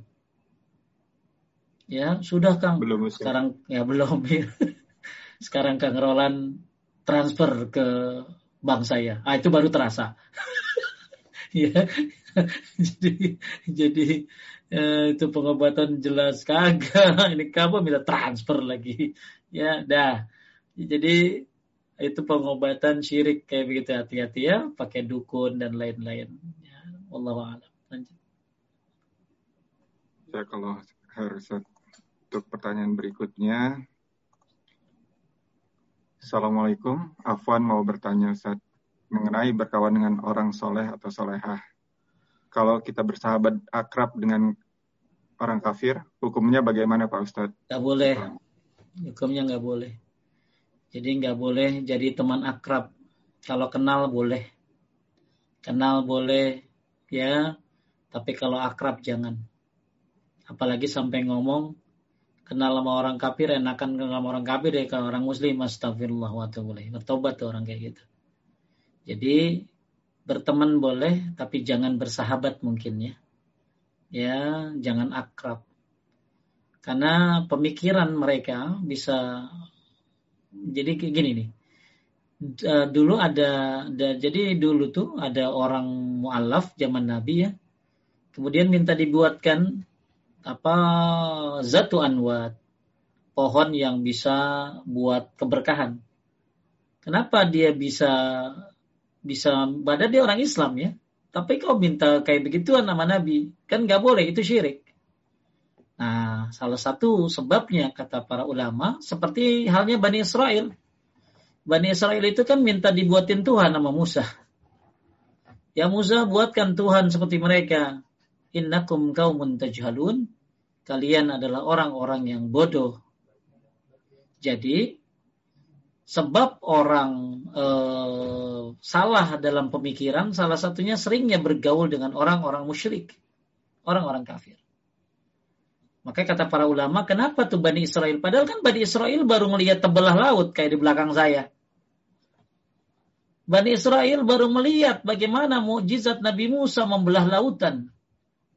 Tapi kenapa minta dibikinin Tuhan? Padahal dia baru melihat mukjizatnya Nabi Musa baru melihat bagaimana Allah berkuasa. Karena kata para ulama, mereka itu lama jadi budaknya Fir'aun. Dan Fir'aun ini ya kan orang-orang orang-orang kafir, orang-orang musyrik. Fir'aun dan bala tentaranya dan masyarakatnya di Mesir itu memberikan pemikiran yang salah kepada mereka. Nah inilah gara-gara suka berinteraksi keseringan dengan orang-orang musyrik. Jadi kalau Anda berteman boleh tapi jangan bersahabat, jangan akrab. Ya, carilah yang yang muslim. Kecuali Anda berteman berharap dia dapat hidayah. Ya, saya pernah lihat sebuah video seorang teman berusaha mendakwahkan Islam kepada temannya. Akhirnya alhamdulillah Allah berikan dia hidayah. Lanjut. Pokoknya ini Ustaz. Uh, ini mungkin terkait dengan tadi penjelasan Ustadz yang kalau pergi ke dukun. Ustadz, kalau ke dukun karena khilaf atau nggak ngerti, atau mungkin diajak kali ini, apakah sholatnya tetap tidak diterima selama 40 hari? Iya. Jadi orang ke dukun itu kan ada dua. Ada yang iseng, ya, ada yang percaya. Emang ada yang percaya, ada yang tidak. Maka siapa yang percaya dia kafir terhadap apa yang diturunkan kepada Nabi Muhammad Sallallahu Alaihi Wasallam. Tapi kalau dia nggak percaya, maka dia telah uh, dia tidak diterima sholatnya sampai 40 hari. Nah percayaan tanyanya hilapnya apa? Kan kalau hilap mah gila ya. Orang gila datang ke dukun ya baru nggak apa-apa ya. Ya kagak sadar soalnya. Tapi kalau hilap pakai Google Map ya. Ya, wow udah berencana. Nah ini hilapnya nih kayak apa saya bingung ya kalau misalnya kalau hilap di sini oh terpaksa itu kan sadar ya sadar dia. Tapi kalau misalnya tiba-tiba dia berobat kata dokter ke dokter tiba-tiba dokternya ini terkun. Terkun tuh dokter dukun. Ya wah gua kagak tahu dia tuh begitu. Nah itu lain lagi ceritanya. Jadi kalau anda memang nggak sengaja ya, atau dijebak atau apalah ya atau pokoknya uh, memang nggak sengaja benar-benar ya lo ya kalifullah nafsan. Nah, jadi Rabbana ratu akhizna inasina wahtana dimaafkan yang tidak sengaja. Ya, jadi memang nggak tahu gitu loh. Tapi kalau tahu, dapat info, kemudian masih melakukan, ya itu kan sengaja namanya. Tapi kalau nggak sengaja, tiba-tiba, oh ini mah dukun, bukan ustaz, bukan bukan dokter. Nah ini, ini mah dusta, dukun ustad, ya. Nah itu nggak usah, uh, kalau nggak sengaja nggak apa-apa. Ya, yang penting anda nggak boleh percaya, gitu loh. Dan jangan kembali lagi, gitu. Allah alam. Lanjut. Maaf, Ustaz, mungkin menyambung uh, pertanyaan yang tersebut, uh, yang barusan. Kalau ada kita tahu informasi sepertinya ada pengobatan alternatif, ini di Indonesia kebetulan, dan yang terlihat itu di Jawa, di Jawa Timur. Tapi kalau dilihat dari video YouTube-nya itu, yang praktiknya itu sepertinya memang bilang kesembuhan itu datang dari Allah. Tapi uh, sementara pengobatannya itu tidak terlihat seperti dokter Taunya. biasa gitu. Maka gimana, hukumnya gimana? Hukumnya kata-kata itu, kata-kata itu ya bisa saja dibolak-balikan. Dia bisa aja bilang semua dari Allah, semua dari Allah. Ya, memang semua dari Allah. Ya. Dan itu banyak ya orang kalau mau laku ya tinggal jual nama Allah, betul nggak? orang pengen pengen dipilih aja sama masyarakat jual agama. Jadi banyak orang menjual agama supaya dipercaya. Ya, oleh karena itu Anda lihat bukan kata-katanya, Anda lihat perbuatannya.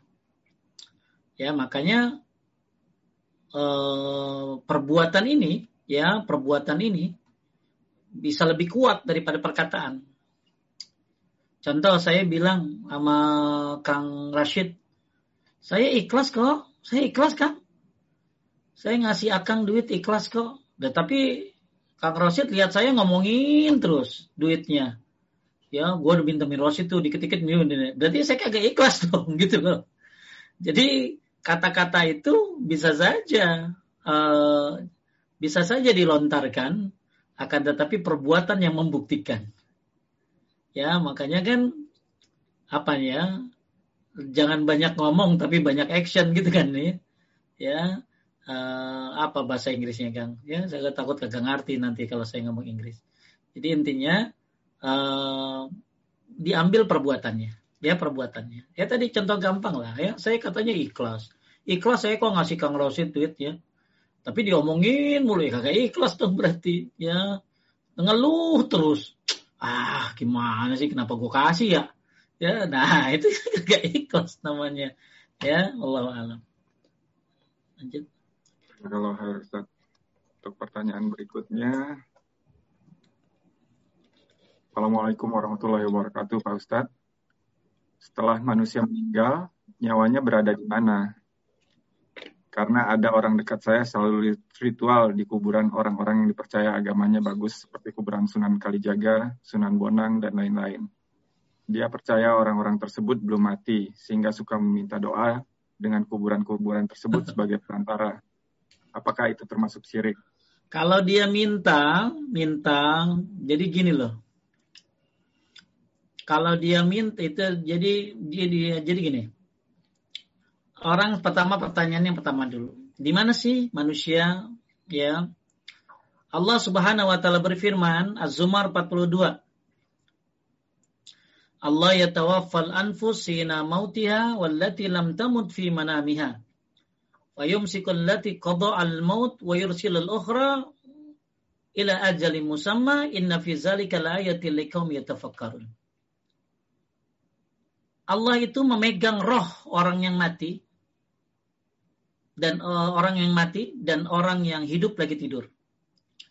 Jadi di mana roh itu? Dia sedang dipegang oleh Allah Subhanahu wa taala. Ya. Kemudian uh, jadi orang mati itu rohnya dipegang oleh Allah Subhanahu wa taala. Lalu diletakkan di mana?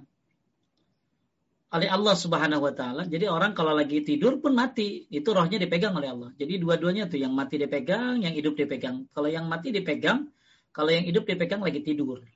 Maka orang tidur itu orang mati.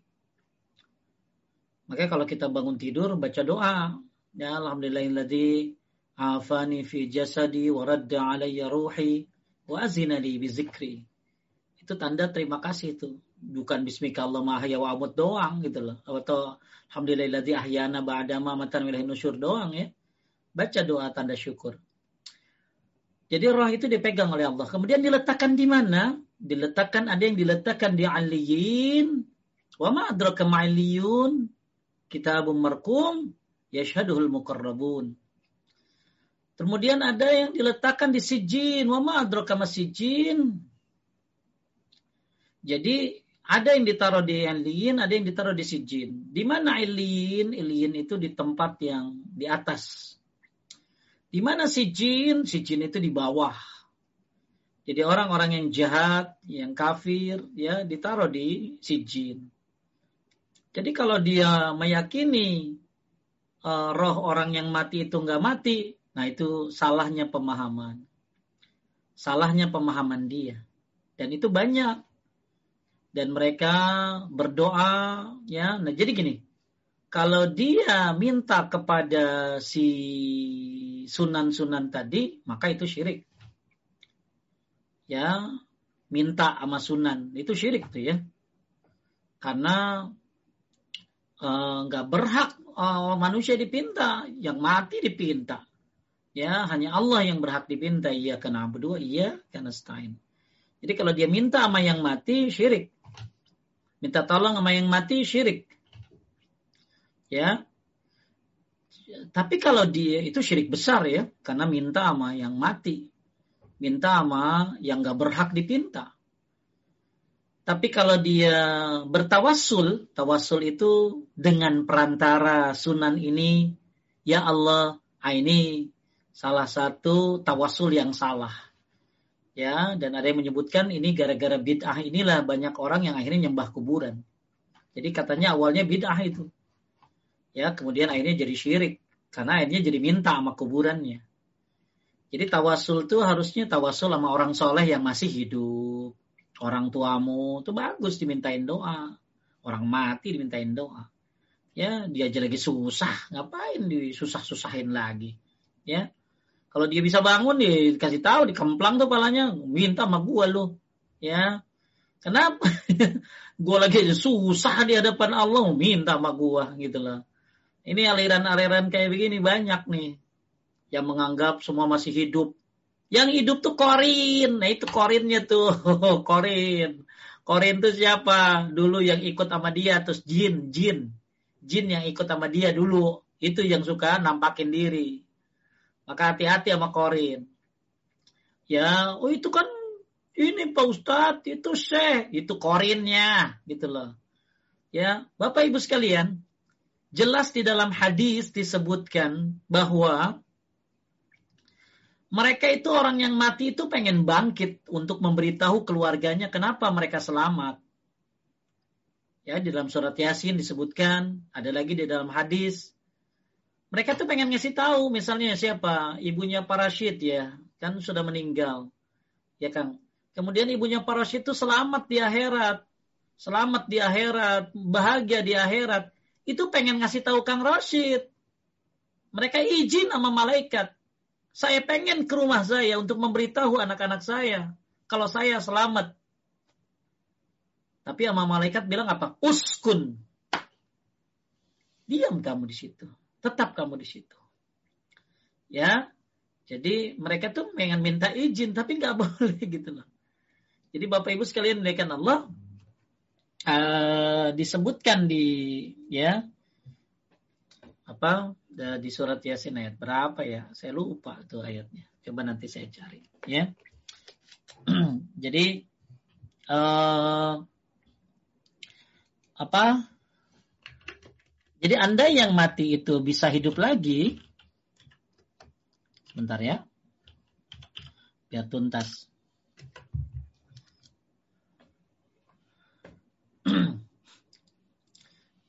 Jadi Anda yang mati itu bisa hidup lagi, maka dia akan memohon.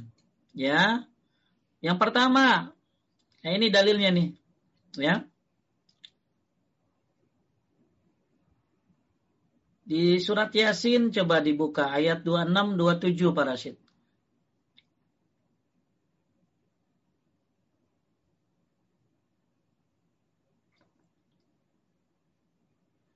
Nah ini. Kila dukhulil jannah. Qala ya laita qaumi ya'lamun. Dikatakan kepadanya, masuklah ke surga. Laki-laki itu berkata, alangkah baiknya sekiranya kaumku mengetahui Lanjut Pak. Bima ghafarali ghafarali rabbi wa ja'alani minal mukramin. Apa yang menyebabkan Tuhanku memberi ampun kepadaku dan menjadikan aku termasuk orang yang telah dimuliakan. Jadi orang mati itu pengen ngasih tahu kaumnya. Kembali lagi ke atas tadi. Jadi Kila tukhulil jannah, masuk kamu ke dalam surga. Kemudian laki-laki itu bilang apa? Qala ya laita qaum ya'lamun, alangkah baiknya sekiranya kaumku mengetahui ya dengan sebab apa aku diampuni dan dengan sebab apa aku dimuliakan. Gitu loh. Jadi ini orang mati tuh berharap banget ya. Pengen ketemu ama keluar kaumnya. Pengen yang mati itu yang selamat ya. Yang matinya selamat tuh pengen banget kasih tahu kaumnya. Tapi ya kagak boleh. Ya. Maka di sini di bisbalikannya pakai uh, apa kalimat laita gitu loh. Kemudian dalam hadis yang diriwayatkan oleh Ahmad dari Jabir bin Abdullah, apabila seorang mukmin telah melihat apa yang diapangkan padanya di dalam kuburnya, maka dia pun akan berkata, biarkan diriku, aku ingin memberi kabar gembira pada keluargaku. Jadi dia minta izin nih sama malaikat biar ngasih tahu keluarganya. Apa kata malaikat? Tenanglah. Ya nggak boleh. Gitu loh. Bukan hanya itu ya, yang mati itu pengen sholat dua rakaat, pengen melakukan amal soleh, pengen sedekah. Jadi tapi nggak pada bisa. Makanya disebut alam barzah. Apa ding-ding. Kalau Rabbir ji'un da'ali amalu salihan fi mataraktu kalla inna kalimatun wa qailuha wa min waraihim barzahun ila yaumi yub'asun. Dan di belakangnya ada barzah sampai hari dibangkitkan. Ya, maka ding-ding ada barzah sampai hari dibangkitkan. Gimana yang mati bisa kelayar, kelayangan kan main, wah yang mati main-main ya. Jadi rohnya rohnya main-main Pak Ustadz, main ke sini, main ke situ. Ada lagi bilang begini kalau roh katanya kalau Idul Fitri pada main ke rumah Pak Ustadz, ngapain main ke rumah? Bantuin bikin itu, bikin nastar gitu. ya. Jadi katanya kalau ya kalau mau kalau mau lebaran ya Idul Fitri itu yang mati pada main ke rumah ngapain? Ya bikin dodol, kagak ya nggak bisa ya nggak bisa. Maka disebut alam bar alam barza. Jadi itu salah kasihan tuh orang tuh ya. Jadi nah dia tertipu sama Korin.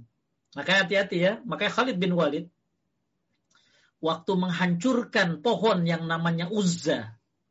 Kan ada Lata, ada Uzza, ada Manat. Nah Uzza itu pohon pohon yang disembah oleh orang kafir. Ternyata pohon itu ada jinnya. Jadi waktu Khalid bin Walid menebang pohon itu di waktu Fatu Makkah, kalau nggak salah ya. Uzza itu kan Lata, Uzza, Mana itu kan disembah tuh. Nah, kalau Lata tuh orang soleh yang disembah. Kalau Mana tuh patung. Nah, kalau Uzza ini pohon. Begitu ditebang itu pohon sama Khalid bin Walid, maka keluarlah jinnya. Ah, tuh kuburan tuh jinnya banyak tuh, hati-hati tuh. Tipu daya jin. Makanya Allah bilang apa? Ya ma'syaral jinni, qad ista'sartum minal insi kasiran. Wahai jin, kalian telah banyak menyesatkan manusia. Nah, hati-hati deh tuh. Makanya salah satu sebab orang syirik adalah salah paham terhadap jin. Gak ngerti dia godaannya. Ya, Semoga Allah berikan hidayah orang tersebut. Ya Bu ya. Jadi salah tuh kerjaan kayak gitu. Ibu nggak boleh. Yang mati udah banyak banget ayatnya Bu. Ya hadisnya. Yang mati mah gak bisa keluar tuh. Ya. Gak bisa jalan-jalan apalagi ke rumah. Bikin apaan ya. Lanjut. Kalau kayak Ustaz. Pertanyaan berikutnya ini mengenai bilangan zikir Ustaz. Ustaz, kalau zikir yang sesuai sunnah Rasul itu apakah hanya yang 33 kali?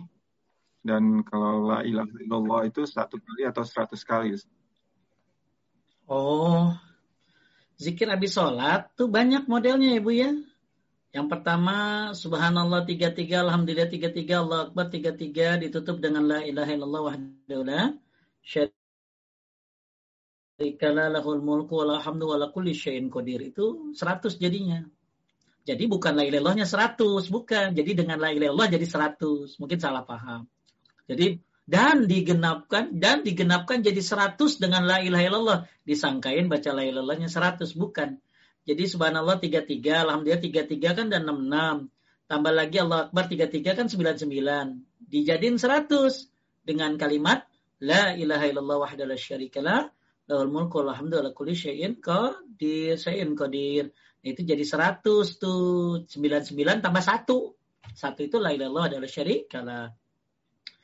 Boleh juga subhanallah walhamdulillah Allahu akbar 33.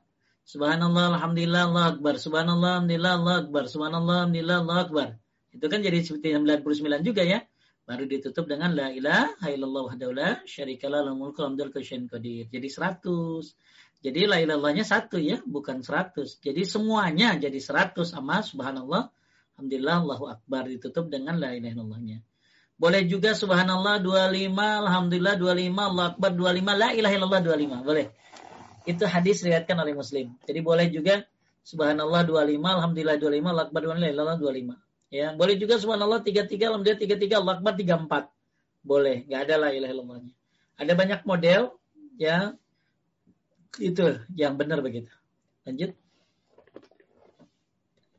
Ya, kalau Ustaz.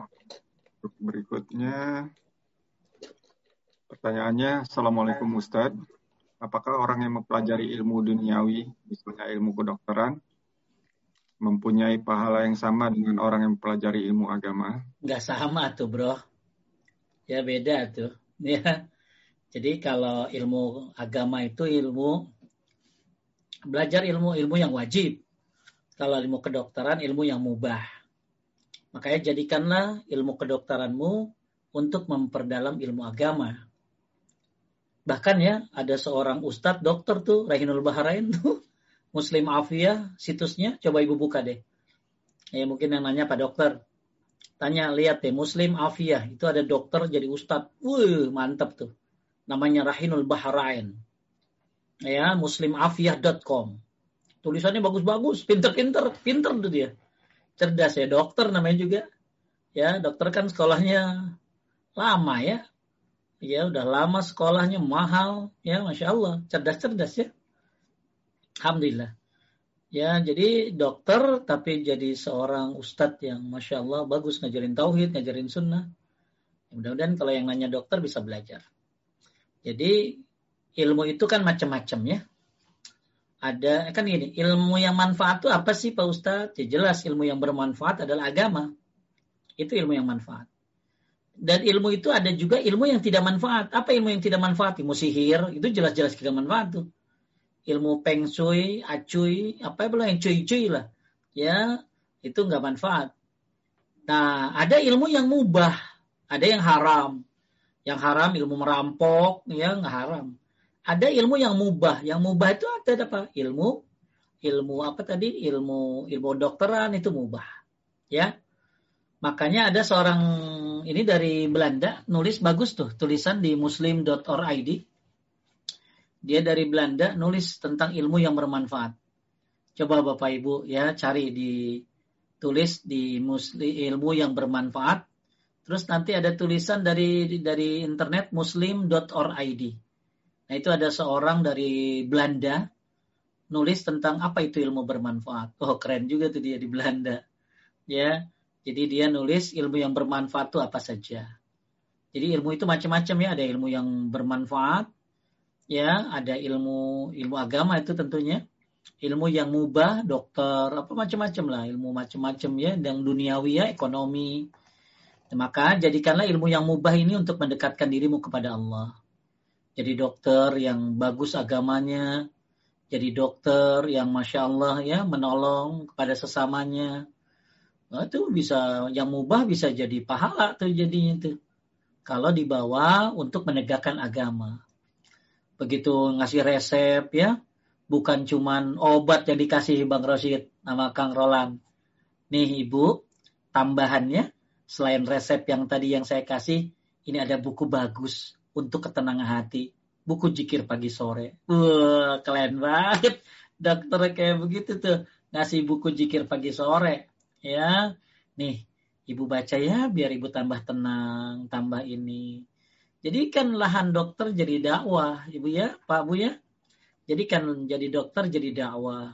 Banyak teman-teman saya dokter ya, tapi masya Allah ke masjidnya rajin banget.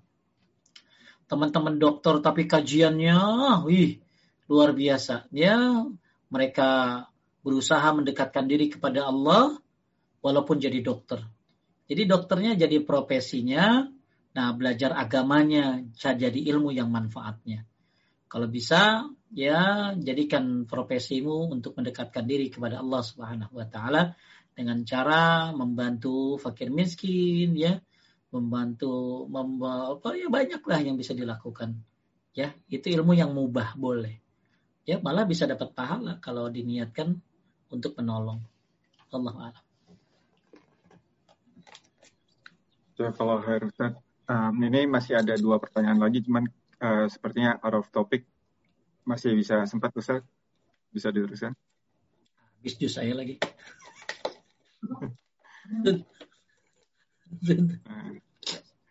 Kan bisa ya Ustaz uh, ini pertanyaan pertamanya yang out of topic. Assalamualaikum Ustaz. Semoga Ustaz selalu dalam keadaan sehat dan selalu dijaga Allah.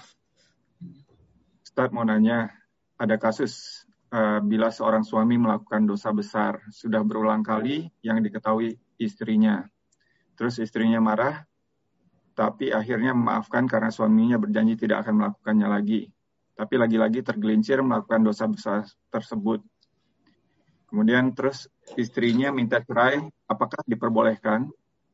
Dan kalau suaminya minta maaf dengan serius dan berjanji lagi untuk tidak melakukannya lagi, apakah sebaiknya istrinya memaafkannya lagi? Mana yang sebaiknya dilakukan oleh istri tersebut, Ustaz? Masya Allah. Ini cerita siapa nih? Bukan cerita Kang Roland kan? Alhamdulillah bukan Ustaz. Kalau enggak saya udah nggak di sini kayaknya Ustaz. Masya Allah. Nah, kagak ada paduka, kagak ada yang ngumumin. Baik, Alhamdulillah. Jadi gini Bapak Ibu, ya, ya, ya kasus kayak gini banyak. Ya. Cuman begini loh, minta cerai itu ada syaratnya. Syaratnya itu harus sesuai syariat. Misalnya suaminya zina, ya, zina, maka boleh dia minta cerai. Suaminya nggak sholat tuh, ya boleh. Maka sebelum itu, sebelum melakukan itu dikasih tahu briefing, diskusi. Karena kamu sering zina dan sudah berulang kali, saya keberatan untuk terus mengundurkan diri, resign menjadi pendamping kamu. Ya, jadi dibolehkan orang minta cerai itu kalau ada syariatnya. Tapi kalau nggak ada syariatnya nggak boleh, ya. Nah, sekarang kan apa nih dia zina, ya, ya, nah itu dibolehkan. Tapi kalau dia sekarang janji lagi kan pengen main, ya lebih baik ya ibu memaafkan. Siapa tahu memang dia sungguh-sungguh. Ya, uh, apa wah, apa uh, apa maafkan ya, maafkan dan dikasih kesempatan. Mudah-mudahan dia berubah. Karena banyak ya orang kayak gitu, Bu. Dan saya yakin suami ibu dari di bawah yang cerita saya. Saya pernah ketemu orang yang sampai istrinya itu bilang, ya namanya zinahnya itu luar biasa ya. Zinahnya itu luar biasa sampai istrinya ngadu sama saya Kemudian saya deketin dia, ya deketin dia. Dan kodor Allah itu kejadiannya di Mina, ya di Mina. Di Mina maksudnya lagi haji ya orang ini. Akhirnya uh, ya saya nasehatin ya. Masya Allah ya momen yang tepat banget. Suatu ketika sampai dia bilang begini, Pak Ustadz kalau saya zina lagi, saya siap dicabut nyawanya. Kata dia gitu. Suatu malam saya lewat di sebuah musola, ya. Kemudian saya lihat dia lagi nangis-nangis sesegukan. Sesegukan nangis-nangis. Kemudian saya takut dia putus asa. Maka saya kirimlah tulisan nama dia, SMS-nya waktu itu tuh. Itu Az-Zumar ayat 53. Ya, uh, apa ya apa ya innallaha yaghfiru dzunuba jami'an. Allah itu mengampuni seluruh dosa. Jangan putus asa maksudnya ya. Jadi saya sih kasih saran ya maafin aja. Mudah-mudahan itu yang terakhir dan bilang sama dia, ayah harus tobat, tobatan nasuha. Ya, dan sekarang pertanyaan saya gini loh. E, gimana cara tobatnya Pak Ustadz? Tobat itu bukan hanya dia nyesel, kemudian dia nggak melakukan lagi, dan bertekad untuk tidak melakukan lagi, tapi hilangkan sebab-sebabnya. Misalnya, dia tuh zina sama teman kantornya. Suruh keluar dari kantor. Cari kantor yang lain. Hijrah kalau perlu. Ninggalin sebab-sebabnya. Karena dosa kemaluan itu paling susah untuk ditinggalin. Kecuali ditinggalkan sebab-sebabnya. Karena pendukungnya tuh banyak. Ya, ambil handphonenya. Kamu mau nggak nggak pakai handphone gitu ya pakai yang jadul ya ya sebab-sebabnya dihilangin ya diblokir atau di delkon tuh nomor-nomor yang bermasalah diajak diskusi ya diajak diskusi kalau memang dia benar dia akan mau melaksanakannya ya kalau memang dia benar dia mau melaksanakannya tapi kalau nggak benar tapi kan yang tapi kan yang tapi kan yang ah ini patapikan nih yang biasanya nanti akan nyamperin lagi karena nggak mau blok, nggak mau di delkon. Bapak-bapak tuh begitu, nggak mau delkon kontak masa lalu. Ya, makanya coba ya Kang Rosid diprek satu handphonenya, delkon tuh masa lalu. Ya, jadi jangan-jangan masih ada. Ya, jadi masa lalu itu suka menghampiri ya ketika kita udah bener gitu loh. Jadi ibu diskusiin. Mumpung dia lagi di bawah ibu tuh. Mumpung dia lagi melo-melo pengen tobat. Ah ibu kasih syarat. Kasih syarat. Nih syaratnya A, B, C, D nih.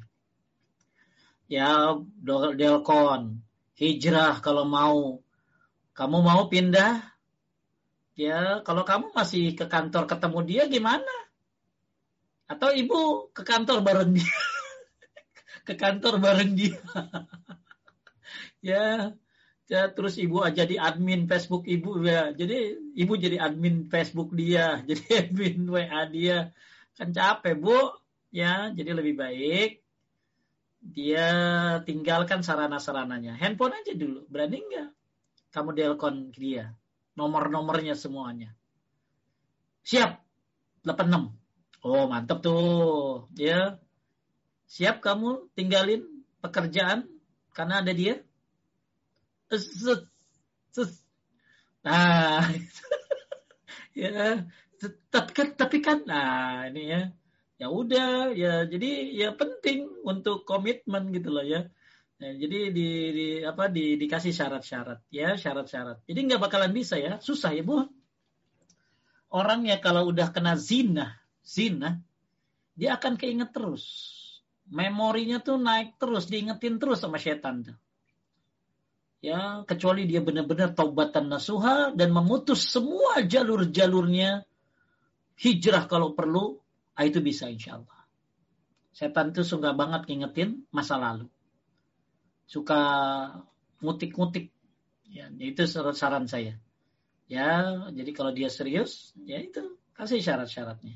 Ya, ibu maafin, tapi mungkin ibu ajak taubat tapi dikasih syarat-syaratnya khususnya masalah delkon atau hijrah dari kerjaan cari yang lain.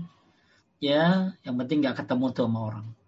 Ya karena kalau ketemu terus terus. Karena karena sering ketemu jadinya ya mata ini kan anak panahnya setan ya. Sering ketemu apalagi pernah zina. Wah itu keinget terus nantinya. Naudzubillah lanjut.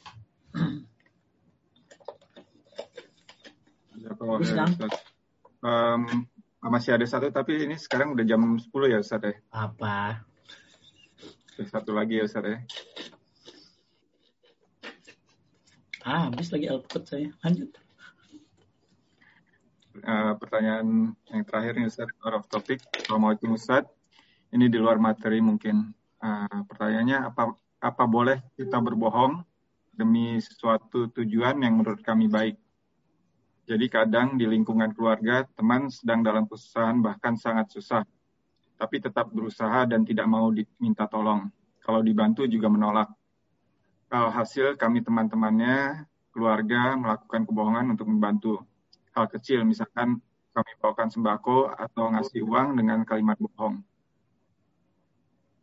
Tujuannya biar contohnya ini ada saya, saya kita baik kita jadi panitia sembako nih dan dapat lebih kurang begitu kalimatnya say ya terus. Nggak nggak bisa. Nggak bisa nggak habis nih dua bulan kita makan. Bagi dua sama kamu ya padahal kami nggak jadi panitia atau sebagainya. Tapi tujuannya biar dia mau menerima. Apakah cara kami ini benar Pak Ustadz? Wassalamualaikum. Bohong itu nggak boleh kecuali tiga hal. Satu, bohong dalam peperangan. Dua, berbohong dalam mendamaikan dua orang yang bersengketa. Enggak kok dia baik kok, enggak benar. Nah itu ya, itu bohong dalam mendamaikan dua orang yang bersengketa. Malah mendamaikan dua orang yang bersengketa ini, kata ulama salaf bilang, termasuk jihad visabilillah. Yang ketiga, bohong seorang suami kepada istrinya dan istri kepada suami untuk menyenangkannya selama bukan masalah janji barang ya.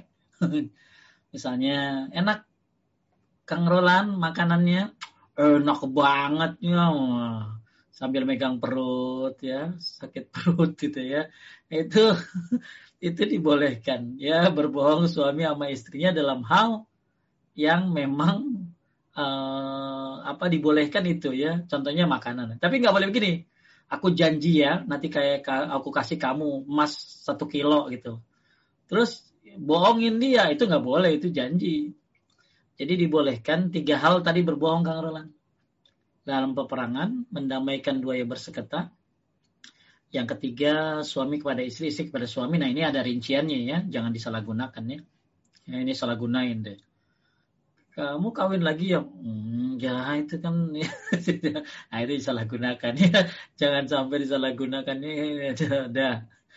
Uh, dah sekarang tinggal gimana? Sebenarnya yang dibolehkan tuh tauriyah. Tauriyah itu apa? Pak Ustadz lagi ke mana waduh nih urusannya berapa saya lagi keluar kota bu. Saya ke Bekasi. Ya kan keluar kota juga kan ya keluar kota Tauriah itu uh, iya nih bu lagi ada kerjaan gitu loh. Ada kerjaan. Ya karena emang kita lagi kerjaan gitu ya. Ada kesibukan gitu. Jadi bagusnya bilangnya jangan begitu ya. Itu bohong namanya. Jadi bagusnya ya uh, ya susah juga ya saya ya, bu apa bagaimana ngakalinnya caranya. Tapi orang ini ya, orang ini disebut dengan al-mahrum. Apa tuh al-mahrum Pak Ustadz? Orang miskin yang nggak mau minta-minta. Ah, ini bagus sebenarnya. Jadi ada asail, asail tuh begini minta-minta. Orang miskin tuh kan ada dua, ada yang minta-minta, ada yang gengsi. Dia nggak mau minta-minta. Nah ini butuh kepekaan kita, kepekaan kita untuk memberinya. Nah ternyata dia udah dikasih juga nggak mau, ya karena nggak mau ya ber, uh, berpaku tangan gitu loh. Maka ya intinya jadi ya hormati komitmen seperti itu ya.